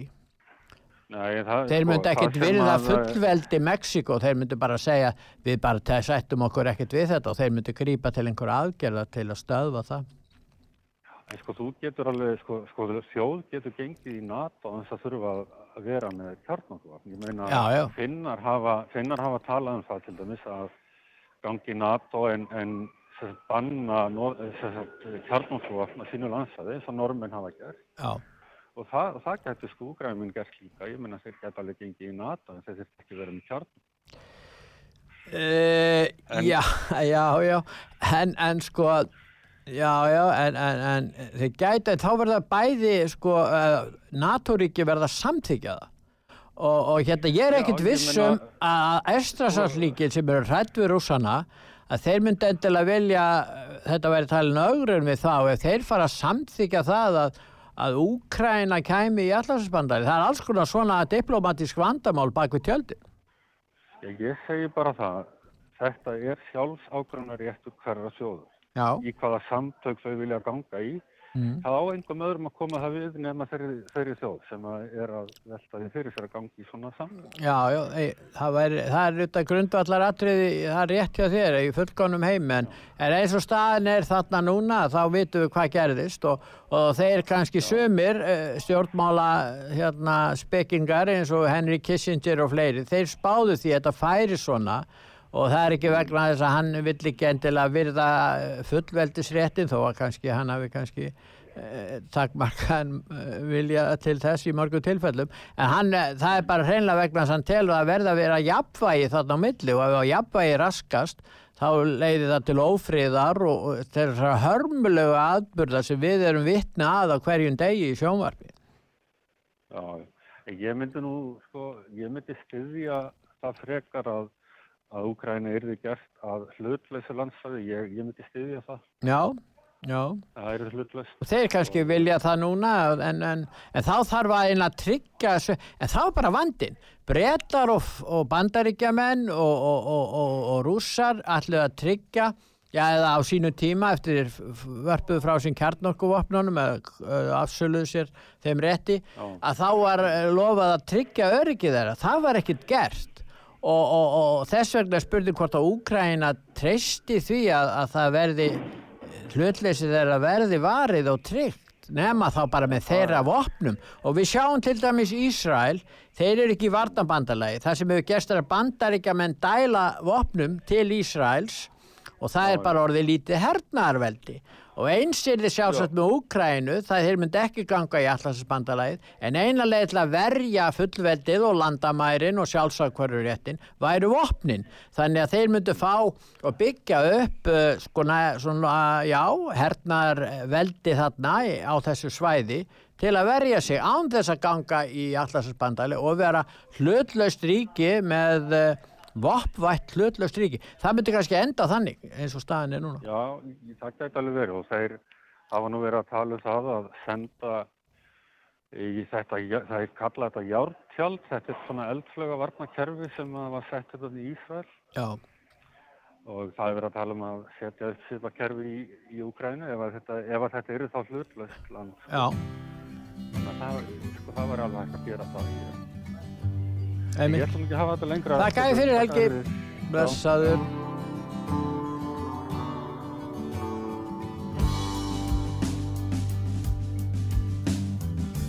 Baby blue, you have no clue. My dreams are still about you. Building castles in the sand with flowers wrapped around you. Yeah, but I still remember you. Maybe I should stop loving you. If that could ever ring true. Going down that sweet avenue, seeing some shadows of you. Yeah, but do you miss me too? Take me back the morning light, where our love shone so bright. Where the story brings me back to you, where I can still hold you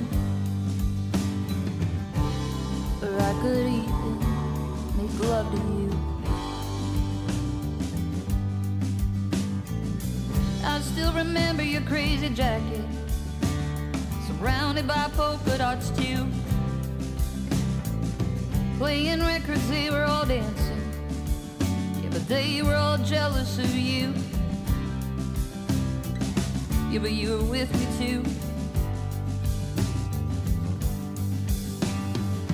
Take me back to the morning light. There our love shone so bright.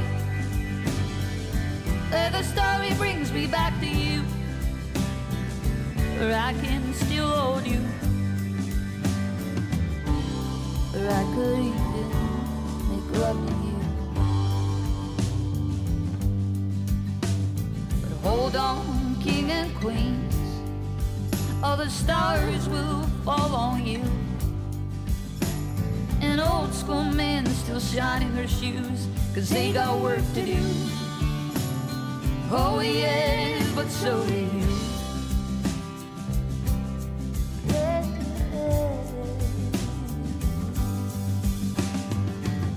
Take me back to the morning light Where our love shone so bright.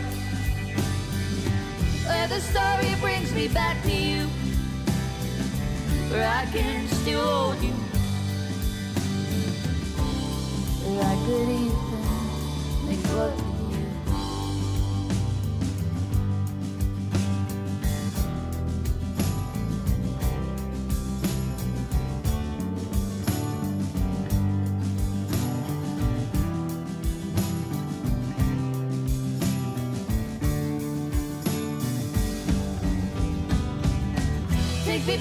to the morning light Where our love shone so bright.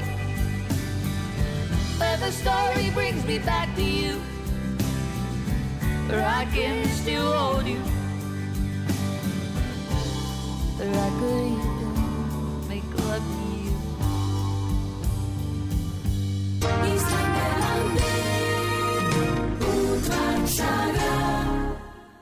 Já, að selbeti, ég heiti Sigurgeir. Sæl Sigurgeir.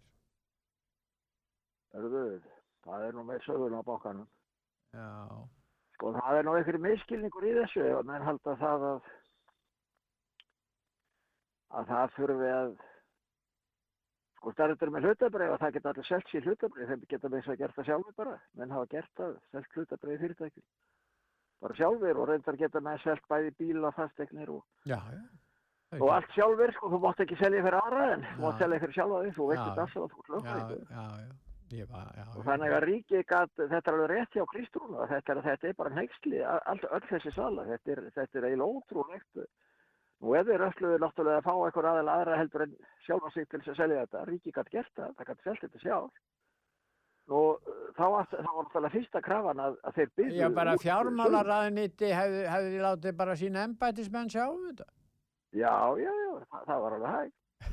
Já, og þa- þa- þannig að þetta er bara neyksli það, sko, síðan, síðan hún kjæftaði nú á sér og Guðrún Hafsteins og, og vissulega hafði það komið fram áður að, að þessi fagfjárfæstar sem er svo kallaði að bankarnir, það eru þeir sem að búa þá raunverulega til og í þessu tilviki að þá virðist eh, bara Íslandsbanki sjálfur hreinlega hafa valið þá sem að fenga að kaupa og þessa enga aðila sem að vissulega geta verið með hlutafélug sem er eiga sjálfur einhverju eða það jafnvel á eigin kentölu að, að, að, að, að jafnvel bankið sjálfur virðist bara hafa valið úr, úr þessu og, og, og bankasýslan bara gefur og bankanum leiði til þess að koma með lista yfir fagfórhasta sem að þeir þannig að þetta er bara neyksli gjörsæla frá til þeir- algjörlega. Og þeir velja ekki bara kaupendur, þeir velja inn, innlenda sölur ágjafa. Þeir velja Já, það. já, já, það eru fimm menn. þeir ve- Það er eins og, eins og þú væri ráðherra, fjármálur ráðherra, þú ættir gamla vinið í öðrum lögmannstofum og svona og þú, það verður bara sagt, það er hringt í þessa fimm menn án útbóðs og þeir fá þessar 700 miljónir sem að sko átt að fá svona bilinu 0,2 til 0,3% af, af sölandvirðinu en þeir fá 1,4% sennilega. Já, já. 1,4 frekar Og en þe- 7. þetta, er spillinga bælið í sínum vestu minn. Og þetta, Og að þetta eru miklir Ha? pening, þetta eru miklir peninga fyrir fimm aðila. Alveg stórfí. Sjö, og hvað er það lengi að selja? Aðferðin, all aðferðin. Þetta er Hún nokkra bara á daga að að vinna. blasa við og ráðherran situr sjálfur á toppnum yfir spillingunni. Þetta, þetta er nokkra daga að vinna. Þetta er, nok þetta er bara nokkra daga að vinna. Já, já, já, ég sko, bara handu alveg hverjir hverji er eigi að fá að kaupa, þeim er Já. sett uh, skilabóð, lokkur stöðum áður en þetta átt í stað Já, og, og, og jú, jú, og þeir geti fengið að kaupa á þessu verði já, og hvort er viljið það. já, já, Og síðan voru náttúrulega margir fleiri sem vildi kaupa heldur að fengu og þá Já. er bara haldið áfram handvelið. já, Ha? já, og, og sko þetta, þetta sko, ég var hlustaður á fjármálraðurinn í morgun þegar hann var að verja þetta já, helvítis bull og það er alveg lígilegt en reyndar eru þingmenn sko, eh, sko ég held að Kristrú sé nú eini þingmaður þarna sem að raunverulega átta sig á þessu já. Hún vann við þetta, hún var yfir hagfræðingu. hjá Já, já, en eh, sko, en raunverulega þarf hún ekki að unni við þetta, þetta, Já, jú, Sko, ég þetta- ekki verra, Já, ég meina þetta er- þetta. jú, já, já, sko, það er, já, já, já, þetta, sko, hún veit náttúrulega, sko, að Kvíkubanki er að selja hlutabrið fyrir Já, menn, ef að menn vilja það og, og það fer fram í gegnum kaupurlunar, þú Já, bara, já, þú bara ítir á takkan hjá Kvíkubanka, þú viljið kaupa ákveðin hlutabrið og þá koma skilabóðun upp í kaupurla, þessi aðeins ætla að kaupa þetta. þetta bara gerast alla daga og gerist núna á Já, þessu stundu en, en sko ríki mátti selja þetta allt, gatt það. Gatt spara sér þessu 700 miljónir það gatt gert það en í staðan fyrir það, þá er, þá er farið þessi leið og þetta er slíkur viðbjóður. En það er nú annað sem er langar aðeins að minnast á og það er það að að það á að fara fram umræða í, hinginu í dag um, um hérna almannatryggingar. Hann hérna hjá flokki fólksins hann En það er sama með, með lögin um sestust innvíkri laga um uh, greiðslu almantrykka til, til uh, öryrkja og aldraðara. Það er þessu þingmenn, það er þessu þeir annarkvort vilja þeir ekki að þessi farið eftir þessu lögum. Mm. Eða þá hreinlega þau skilja það ekki. Sko. Til dæmis núna fyrir áramótina þá, ég er nú búin að fá tvö breið frá fjármálaðundur hvernig þetta sé, hvernig þetta gera, hvernig þetta sé sest hugsað og þetta er ágískun. Ágiskunni sem að fór fram núna í síðustu fjárlögun fyrir árið 2022 var 5,6% 5,4 5,4%. Þetta er ágiskunni fyrir það launa, hver launathróun er verði á árið 2022. En síðan er í þessar 16 grein líka, það er líka hverju á það að ef að verðlagsfróun verði herri en launathróunin þá er ég að fara eftir verðlagsfróun. já, Og nú lítur bara hennilega út fyrir það að verðlagsfróunin verði hærri heldur en launafróunin. Mm. Það getur farið svo. Verðlagsfróunin og þegar konum í 6,7% já, og nú alltaf, sko það er þessi þingmann hennilega skiljið þetta ekki. Þeir eru hendandi fram til lögum já, eins og Alfredur Freyrisson og Villi og núna til dæmis sem uh, eru hendur fram, til lögum núna um, um hérna og þeir henda fram tillögum eins og ekkert sé, en þeir henda ekki fram tillögum það að, það er að fara eftir lögum uh, ses, lögum nummer 700 nei, hérna 69. greinlagana nummer 100 2007 þeir henda ekki fram tillögum það nei. það er bara þess að þeir vilja það ekki En, en, það, en þú talar um lagaskil, hvað með lagaskilning ríkistofnana? Í gær, í gær, ekki, ekki fyrir viku síðan, í gær sæði bankasýslan að það mætti ekki upplýsa um þá sem voru að kaupa, það mætti ekki leggja fram listan. jú, jú, jú, við vorum að tala um þetta í morgun, ég var að tala um þetta í gærmorgun. Já, og við gaggrið, það var gaggrið tallega og þá sagði bankasýslan í fyrsta lagi þá væri þetta ekki lögulegt að gera þetta. Í öðru lagi þá væri þetta brota bankalengt í þriðja lagi þá týrkast þetta ekki útlandinu. Þessi var haldið fram að íslenskir e e e eigendur bankans, það er að segja almenningur landinu, fá ekki að vita hverju kaupa þetta. Heyrðu, síðan setnipartin í dag allt í einu ákveðu fjármálarændið og þrátt fyrir lagaskilning bankasýslunar sem þeir nota alltaf sem mælikvarða þá ákveðir að byrta listan hvað segir þetta um lagaskilningin og samræmi í lagaskilningin, hvað segir um það? Já, sko, það, það átti bara fjöla þetta, en, reyndar er þetta þannig að þú ert hlutafélagi, eða þú ert hlutafi í, hlutafélagi, já, þá áttu hindi kom að vita hverju eru hlutafar í, í félaginu og það var nú maður sem var, átti hlutafar í Íslandsbanka, hann fór í bankan. Og jú, jú, hann fekk að sjá listan, en hann eh, mátti alls ekki eh, fá afrið af, af þessu og, helst, og hann mátti ekki En auðvitað, ég var bara á leiðinni, ég ekkert smá hlutan í bankanum, Já, ég ætlaði að fara. Já, Og ég ætlaði bara að taka myndavilu með mér, taka mynda þessu. gat bara kert mig. já, já, já, já. En- þakkaði fyrir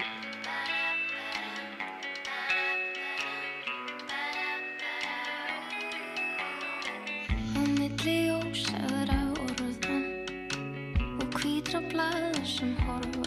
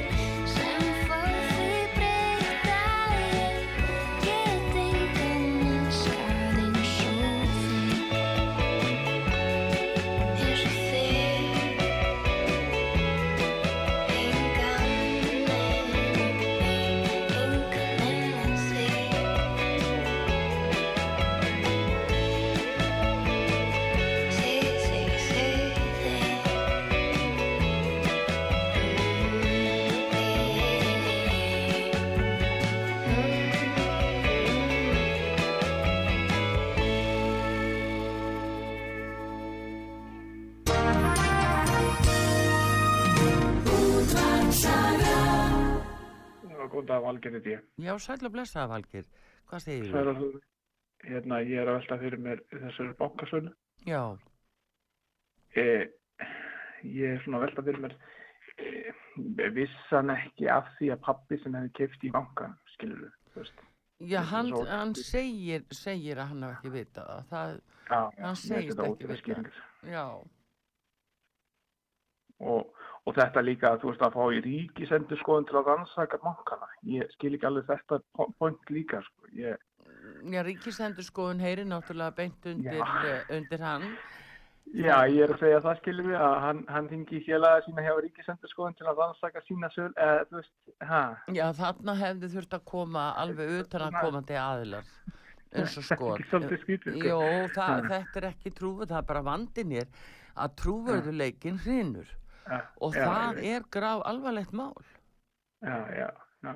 Ha, það En er... ertu búin að heyra af þessum, uh, ég, ég- var eitthvað búin að heyra að pata af þessum, þessu, þarna á lögadaginn, ég, var, var, ég veit það ekki, er, er þetta eitthvað, Já, mótmælanum. Já, það var eitthvað, eitthvað sem átt að vera niður í bæ eitthvað. Ég Já, mér var bara sagt þetta í morgun Já.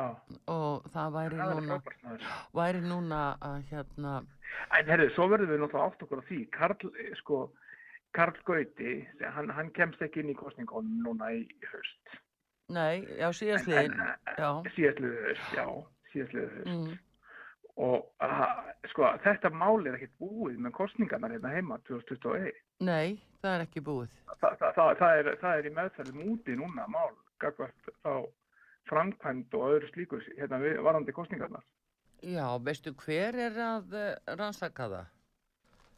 Nei, er ekki, er ekki, var ég að, er ég að vittlesast eitthvað? Er, var, var, ekki, var ekki mál hjá mannrétt eða, eða eitthvað var, var þessu ekki skotið þarna út til dómstóla ellendis? Uh, na, það er, nú, það er nú ekki alveg kannski það gengur nú kannski ekki alveg þannig fyrir sig en uh, Nei, ég, ég, ég, ég, heyrði það þannig. Já, en hérna hittir hann að mála fréttablaðið er að segja frá því í dag að mm. það eru fréttir af Karli Gauta einmitt sem að, að var þarna í suðvestu kjördami já, og uh, fyrirsögnin er kærir lörglustjóra fyrir að hætta rannsókn og talningu. Og Karl Gauti Hjaltason uh, fyrirverandi alþingismæður segir ákverðin lörglustjórans á Vesturlandi um að fella niður rannsókn og talningu atkvæða þar standist, ekki standast Það sé Mm. hlutur dómstóla skera úr um refsinæmi meintra brota í kostningum og uh, en þetta það var einhver, einhver sem sagði mér það að þetta væri farið, farið af, úr, úr Íslands höndum eða skilja að þetta væri komið til ég veit svo sem ekki alveg öll dómsmál sem eru í gangi á Íslandi en, en, en, en þetta, þetta hafði ég heyrt. Já, já, það er en, en, þetta varðandi, varðandi svo eh, þessa Íslandsbankasölu og, og, og, og, þetta þetta er rosalega spillingi í kringum þetta alls saman Já, sko, þetta lítur bara þannig út að, að þarna hafi ekki verið eh, allt með feldu þegar er verið að taka sér ákvörðin um það hverjir megi kaupa. Þetta, Já, sko, já. það getur vel verið að hafa verið eðlilegt, Og- en það lítur illa út. Samherja menn að kaupa þarna inn í, kaupa sér inn í, í, Þorsteinn Már og fleiri sko. Já, Ma, manni finnst þetta að vera svolítið svona skrítið hvernig þetta virkar.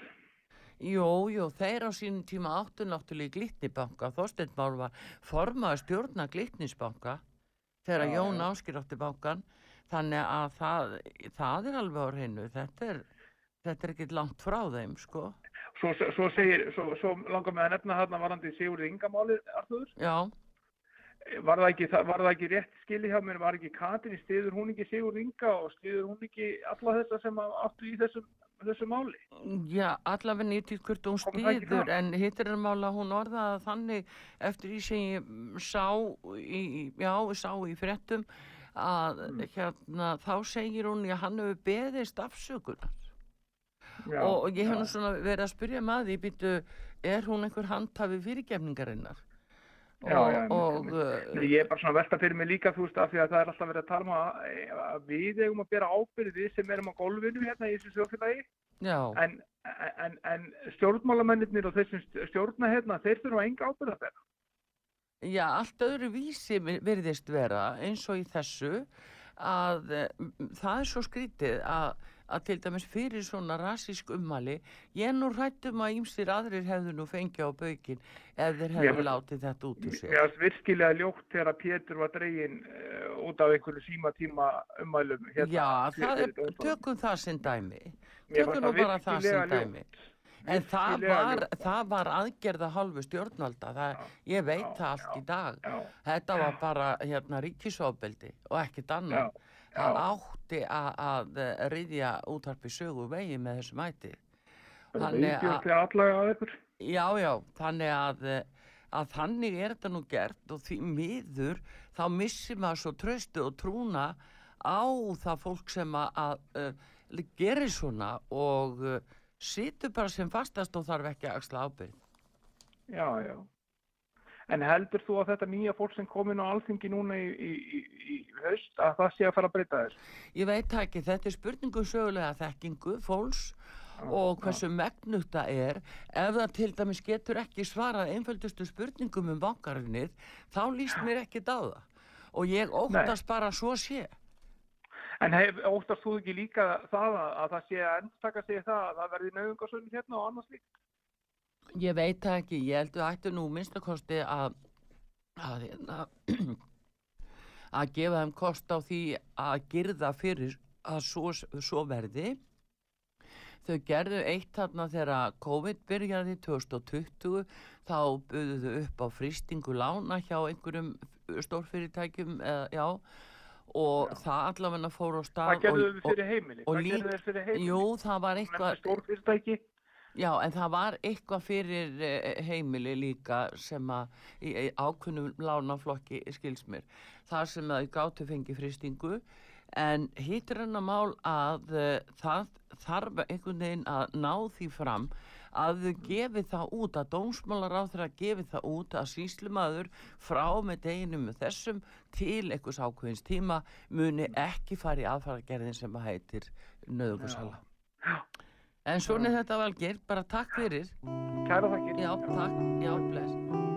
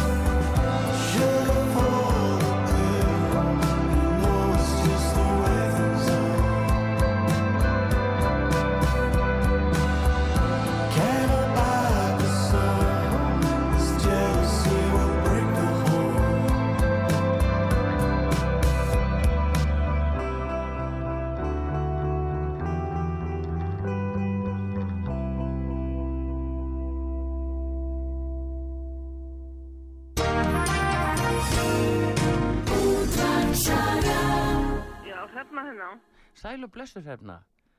Hvað segir La- þú? Langt síðan ég hirti þér. Já, Heyrðu, já, það var kast þessu ekki. já, Ég hlusta nú yfirleitt ekki mikið á það. já, Það er mist ekki verið að tekið náðu svona, hvað við segja, hart af hlutunum. já, eða bara svona að að þessi komið fram spurningar sem þurfa að koma fram. Ekki Já, bara svona já, en fróðan. þessi kona, það datt á með andliti.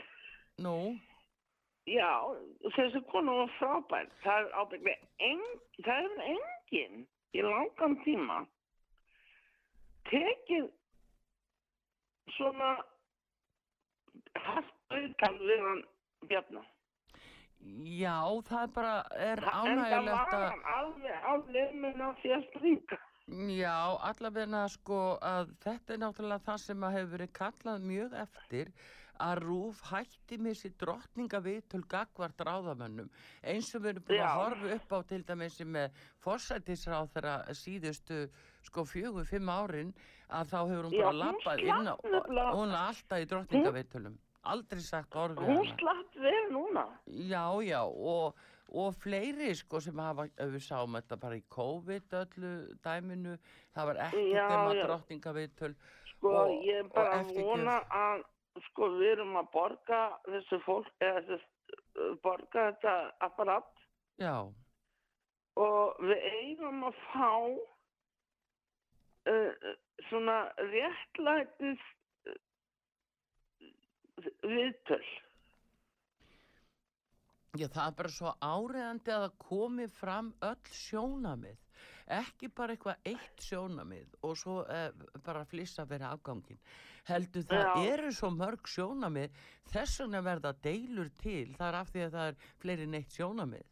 En það virðist Sko- eitthvað voðalega erfitt að- koma því í, í skilning að, að bara með því ef þú vinnur sem fjölmilamaður þá þarf þetta að leggja áherslu á að vera með fleiri en eitt sjónamið og draga Jú, fram jú. kossiði líka betur eða ver en það er ekkit endilega endur speikla einhverja skoðun þína en þannig virðist þetta Jú. vera túlkað hérna Sko, þarna, svo sá maður andlit sem að kom dunguð upp, það að sína að það voru að fara inn hérna í Sælabankan. Já, Það var Þorsteinn Már, nú það var uh, Vestmann sonurinn. já, Þetta er allt sömu andlitin, pappans, eh, Bjarnar, þú get, við, við getum alveg eins búist við að einn daginn verður sagt bye bye. já jú, já, já, nei, nei, við skulum nú samt uh, við skulum bara halda vök okkar, við skulum ekki sko búa til auka áhyggjur skiluru en höldum bara vök okkar Já, en þetta er allt dæmdir menn. Já, það er nú, sko, það fyrir nú eftir í hvað það er, skilur það, það, þeir missa, margir þeirra sem, að- sem að já, en þeir missa, þeir missa enga rétt Og til það er að bara gera, ekki skafið af því.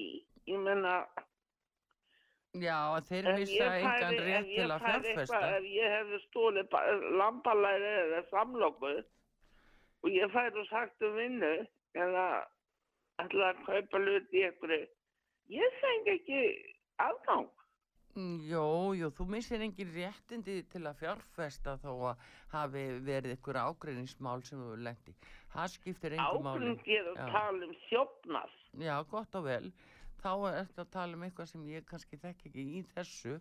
Er það, er að meina inn á listanum? Já, og þetta eru margir af þessum mönnum eru dæmtir menn. Já, gott og vel. Já, ég skal ekki um það að segja, en uh, allavega held Nei, ég að... þú vilt vera hlutlaus. Já, ég bara, nefnmálega er er bara ekki með upplýsingar um það.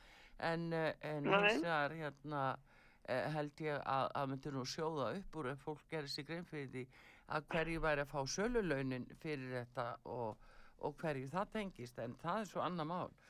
Og það er bara margt þarna sem þarf að aðtúa og það er ósættanlegt að það sé ríkis endurskoðu. Þa, það á að vera hann er í öllum þessum, þarna, öllum þessum, eh, sko, þessu hólfum hann, venn. Já, allavega hann Hann er, er í bankasýsluna, hann er fjármálaráðina, hann er þetta, hann er þitt, hann er, hann er allstaðar og, og að vita ekki að pappi sem hafi keift hluti í bankasýsluna, menna, það er og ef að stótti mín myndi senda mér uh, SMS og segja, heyrðu mamma, ég mistæk mig. já já, já, það er nú svona heyrðu, takk fyrir Já, já. Sumarið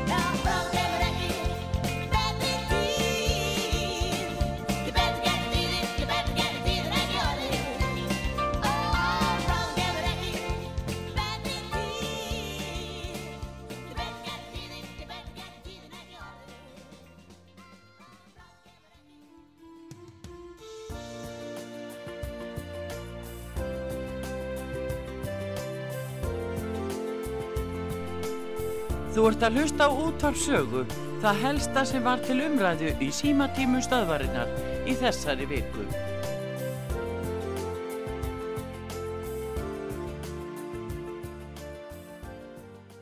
Sæl aftur til að hlusta á útvarpsögu. Artrúð Kallstóttir hér og Pétur Gullusson mættur. Góðan dag. Góðan dag. Heyrðu, þú ert að taka við hér í símatíma Já. Og uh, það er náttúrulega sem von er, fólk er að ræða auðvitað uh, þessa sölu á Íslandsbanka, hvernig þessu var staðið. Já.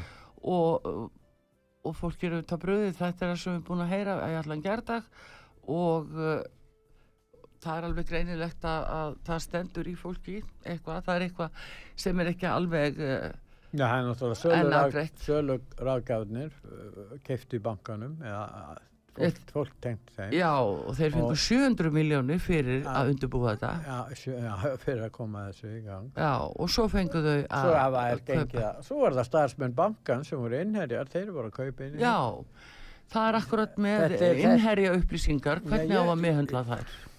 Ég veit Og- ekki, sko, þe- þetta er bara þannig, þegar að bankasölur eru hérna hjá okkur, alltrúður, þá er þetta svona. Það má bara búast við því. Já, ég held að, uh, Þú maður þú hvernig þetta var á sínum tíma með... já, já, ég var að segja það einmitt í morgun að, að það er núna áhyggjöfni uh, svona að það er svona þessi sögulega vitund fólks og að það uh, viti eiginlega hvar mjöllin fjalli fyrra. Það er eiginlega það sem máli snýst um að bara því miður óttast í það að við séum með marga inn á þingi til dæmis sem að, bara hafa, gera sig enga grein fyrir hvað gerðist í hruninu og í aðdraganda hrunsins. Það er ekki bara gróðavænlegt að eiga í banka, það er líka til að hafa aðgang að bankanum. Það er stóra málið. Það er nú líka, þa- það þú er það sast sem gerðist. Það, sé, það á sínu tíma þegar þeir keftu bankana, þeir voru þetta að lána sjálfum sér. Langt umfram það sem þeir máttu gera, langt umfram, tengdir aðilar og aðað og enginn sagði neitt. Og það verður alveg eins í þessu tilfelli. Hver ætlar að fylgjast með Erðu, þegar þú skoðaðir uh, til dæmis í landsbankunum þegar að hann uh, uh, fjall á sínu tíma þá voru stærstu kröfunar a- á eigendu bankars Já. þá feðga Já. þeir voru með langmestu láni til sín og þá maður getur spursi byttu þurftur einhvern tíðan að borga þetta svo les maður, heyrðu, nei Björgul Tór, hann er nú einna uh, hvað er, 1200, í sæti nú með 1200 og eitthvað yfir ríkustu menn eh, á Forbes, ég meina uh, come on Já, það er svo hann að mála. Já, nei, ég bara segja sko hvernig þetta verður allt til Já, og hvernig þetta er búið til, ég meina uh, hvernig menn geta bara móka til sín svona fjármagni án þess að bera nokkra ábyrð á því. En hafðu í huga hvað búið er að gaggrína gömlu bankasöluna. Búið að gaggrína hrunið og ymmislegt í tengslum við það. Enga síður er staðið að þessu með þessum hætti. Já. Þó það væri ekki nema til að ávinna tröst þjóðarinnar varðandi bankasölu Já. að standa öðruvísa að þessu. Nei, nei, það er ekki gert. Þessi klíka sem vill ráði hér segir bara nei. Já, já, Þeir bara segja að þessu fólki kemur þetta eða ekki við, við þurfum að hafa út úr þessu. Svo eins og þú veist að segja, einhverju valdir hérna fimm til þess að ganga frá svo henni sala, það er eftirspurnin er svo mikil, þeir þurftu nú ekki að hafa mikið fyrir því að hvetja fólk til að kaupa eins og að norða fjármálar á Já. og þess, fyrir þetta fá þeir 700 miljónur, þá segja menn það er nú ekki há upp að í stóra samenginu, þetta er stór, heilmiklir peningar og það er þessi braggavers hugsunarháttur Já. sem er fann að gegn síra hér allt samfélag ef Já. við mennum að selja bréf þetta tekur það einhvern stuttan tíma þegar tölvurnar gera þetta fyrir þá þeir eru að vinna það fyrir þá þeir bara se, kalla, senda bara Já. tölvupost til þessar aðla sem eru líklegir og vilja kaupa Já, sko, salan á Íslandsbanka byrjaði ásmundasal rétt fyrir jól. Þannig að þetta er niðurstaðan. Og uh, fólk á bara að lesa þessi, þessa pappira og kynna sér þetta. Það er nú það sem er. Og þannig að, að við viljum þetta ekki lengur. Það var sagt við okkur í, í hruninu og eftir hrun. Já, það ætla allir að draga svo mikið lærdom. Já, já. Manstu hvernig alþingi uh, og mannst brást ekki krafinum gegn gegnsægi Jú. 63-0 Já. Veitu hvað þetta gera núna? Nú sagði, sagði banka uh, hérna Síslan Mhm. Nei, það er þið brot á bankalögum, þetta er ólöglegt. Heyrðu, svo liði nokkur klukkutímar og þá allt í einu var þristingurinn svo mikil að fjármálar á þannan e, tók þá ákvörðun að að byrta listan. Já, já. Myndu, var það ólöglegt þá hjá honum? Já, mér, ég með heimildi veit- fyrir því að ekki- ekki... það var nú bara við ríkistjónaborðið eða einhvers í nágrunni við það að fórsættsráð þeirra hafi krafist þess að listin Já, við vitum Nei, hvernig ekki hvort það er hvernig rétt, en- þristingurinn hefur áhrif. Nei, en hins vegar að þá hérna átti ekki að byrta listan og svo er núna toppurinn að láta ríkis endur skoðun skoða þetta stað þess að fá óháða aðila. Já, ríkis endur skoðun. Eða bara finnast einhver óháður aðilur í Íslandi. Það minnir þegar að mannstu gámamáli, ríkisendur skoðan Já, skoðaði það. já, já. Það verði ekki það hverfa. kattarþvottur í það þessu máli. Já, geta margat. Þetta er, þetta er sko alveg svakalegt. Þannig að, en vest er þegar að fólk kemst upp með það að segja við ætlum bara að draga lærdum að þessu og svo eh, er það sko við, við heyrum lesum um það að þá sko það flutt úr landi því að náttúrulega getur ekki búið hérna og býr í luxusvillum ellendis Nei, Luxemburg. eða? Já, bara hvað sem er og hérna á háum eftirlaunum frá Íslandi og það þarf að fara að taka á þessum e- ofur eftirlaunum að uh, það þarf að fara að breyta þessu að það getur verið í einhvern eh, ákveðin tíma segjum til dæmis eins og þeir sem hafa verið inn á þingi að þeir fá eftirlaun á þessu risa skalla í jafnmörg áróðu sátt á þinginu Já, það, ég myndi Já, ekki. nei, þú veist, Hey, en að orku, hafa að þetta að sem breytingar á þessu áskrifundur á ofur launum, það sem eftir er fyrir að hafa setið nú alþingi, það er bara þeim, sá tími búinn. Já, er það? þjóðin þarf að spara, Er- það þarf að já. spara hérna og það þarf að taka virkilega á þessu, því að það er bara verið að ofskamta Það- í einhverja hólur sem að, að, að eiga enga rétt á Það ætti að eiga sér það breytingar, Artur, þú bendur á, en það er verða ekki á þessu sviði. Við skulum bara gera Það verður ekki á þessu kjörtíðanbili hjá þessu fólki. Það er reyndar alveg rétt hjá þér. Ég hef ekki trúið því. Heyrðu, en uh, ég er reyndar þá bara farin úr þessari útsendingu.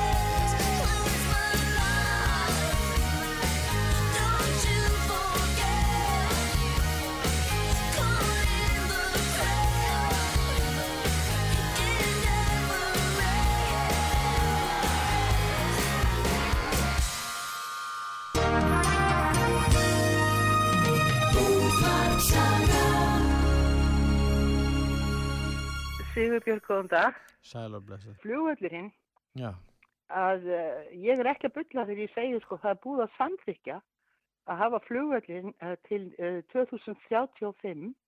Það var bætt 15 árum við hann og hérna, og svo sá ég í Vesturbæjablaðinu eða Miðbæjablaðinu eitthvað að það er teik, mynd, teik, talvu teiknaða mynd af flottri, flottu hérna, flottri flugmóttöku sem á að byggja já. en þetta lítur þá að vera bara fyrir enga flugvélarnar Já, en ekki fyrir, ekki fyrir sjúklinga eða sveitavarkin það er rétt, það var samþýtt að hafa þetta lengur en gallinn er bara sá að það er alltaf verið að byggja að flugvellun. Það er spurning hvernig það verður ónótæfur. Völlur þess vegna segi, þess vegna segi ég það verður bara Já. fyrir enga Já, fyrir svona engaþótturnar og fyrir, já, fjárfestana mennar.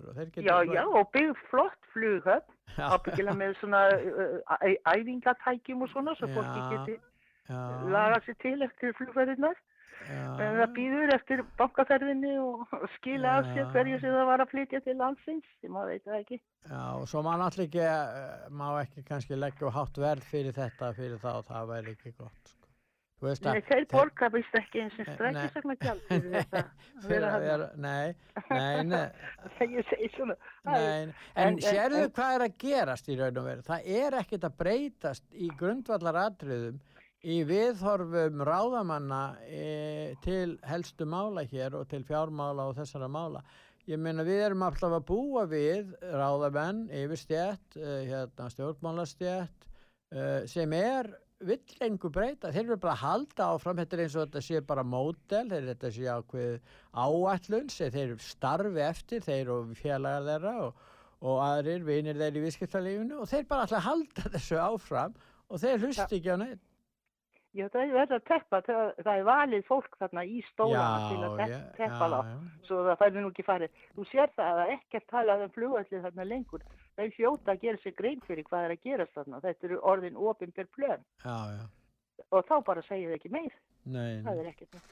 En svo ætlaði ég bara að minna, náðu ekki að ringi artrúði, já, en, en minna á það sem ég bara gerði strax í sjokki um leið og ég fór að þóra að ringi inn á sögu að, að, að það er 2002 held ég sem að ég sit í bíl fyrir og horfi á skiltið á skýr upp í ármúla, skýrslu eða ríkisins, er að býða og þá kemur ég fréttum að það sé búið að ákveða að kaupa hérna nýtt tölvukerfi fyrir ríkisendurskoðanda já, af Werner-bræðrum.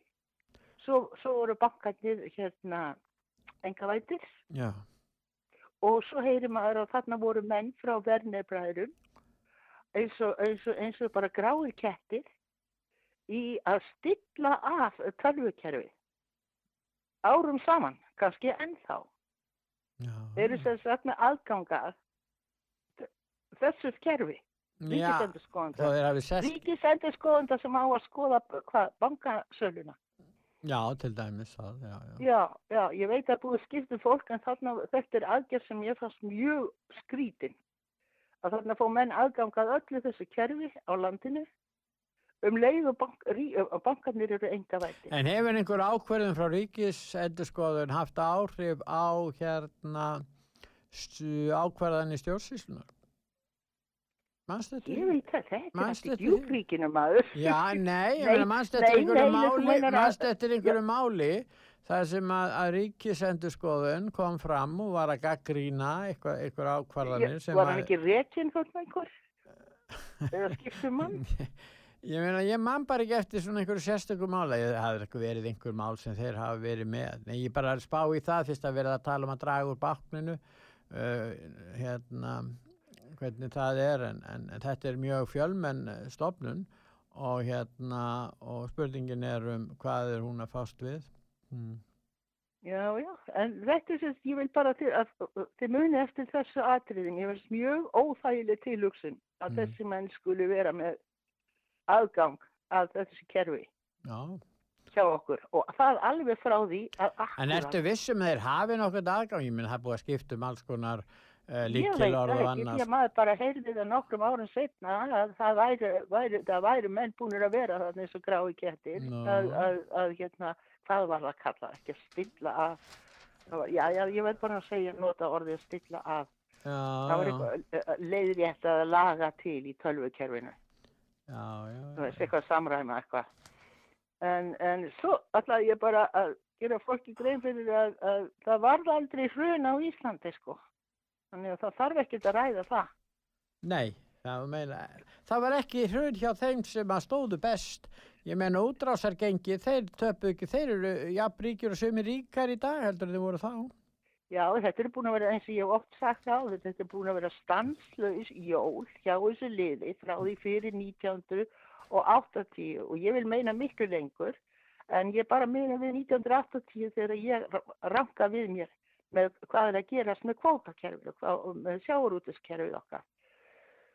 Svo ég nú að bókinans Jóhannesa Björns, blessa sér hans minning, Já. að hún myndi fyrst upp í einhverju en nei, það var lengi Nei, nei. það hjælt áfram hérna, kvótavæðingin og, og, og verðtryggingin og allt saman alveg bara við beint en hérna svo og ég ætla ekki að segja sko, ég heyrði ungan mann tala það var ta verið að tala við fólk þarna 21 í kringum afmæli hörpunar. 10 ára afmæli og þá heyrði ég mig til þegar að spurða un- ungan mann á framabraut byggi við, ég man ekki nafnið nei.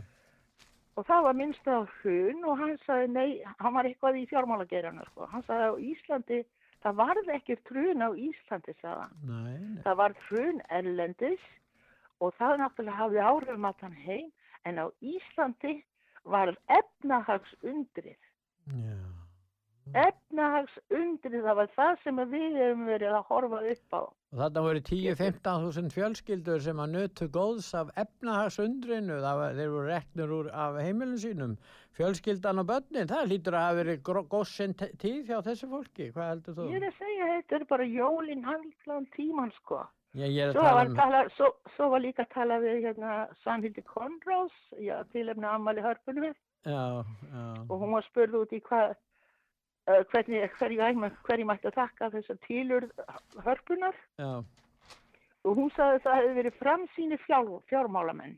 Nú það var ríki, að ríki, að- að ríki og sveitafélag sem greiða með þessu og greiða Það tapir með ég og þú, það voru skattbólum, það voru heimilinn sem að hrundu um leið og harpan reis. Já, Þetta gerðist á sama tíma að heimilinn hrundu hvert á fætur öðru og harpan reis og upp Eitt- úr hólunni. Eitt er og það, sannaði það og sannar það það með að hér var landri hrun heldur efnahagsundur þetta er allt planlagt þetta er allt planlagt af hérna almannatengs Já, eitt er það, og, eitt er það að hefur opinbera fjármagni í hörpu, en það, síðan að, að starfsemin jó- fófst þar frá þeim tíma hefur verið tap á hörpu.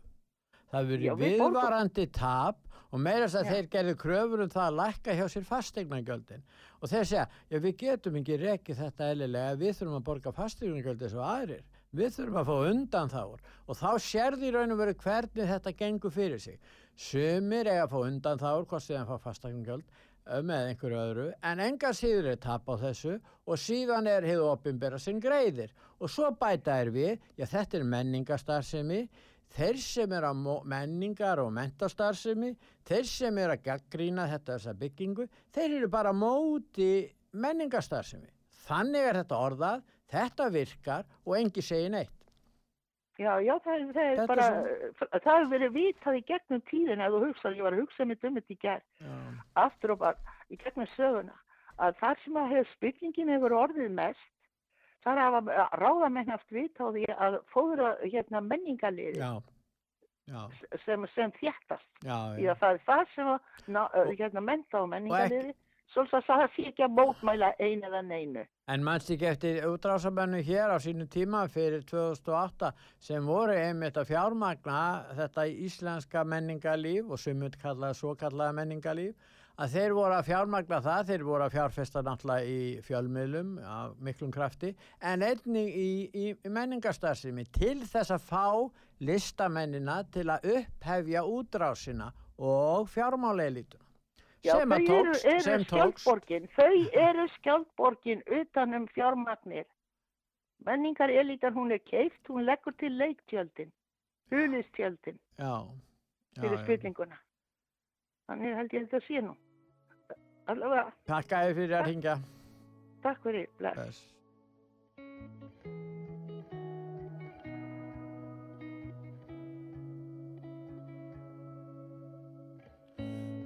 þegar ég er orðin einn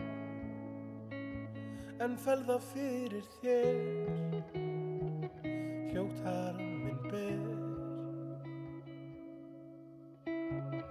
Veit hvað mér er gott en illa gett Hætt við götunar seg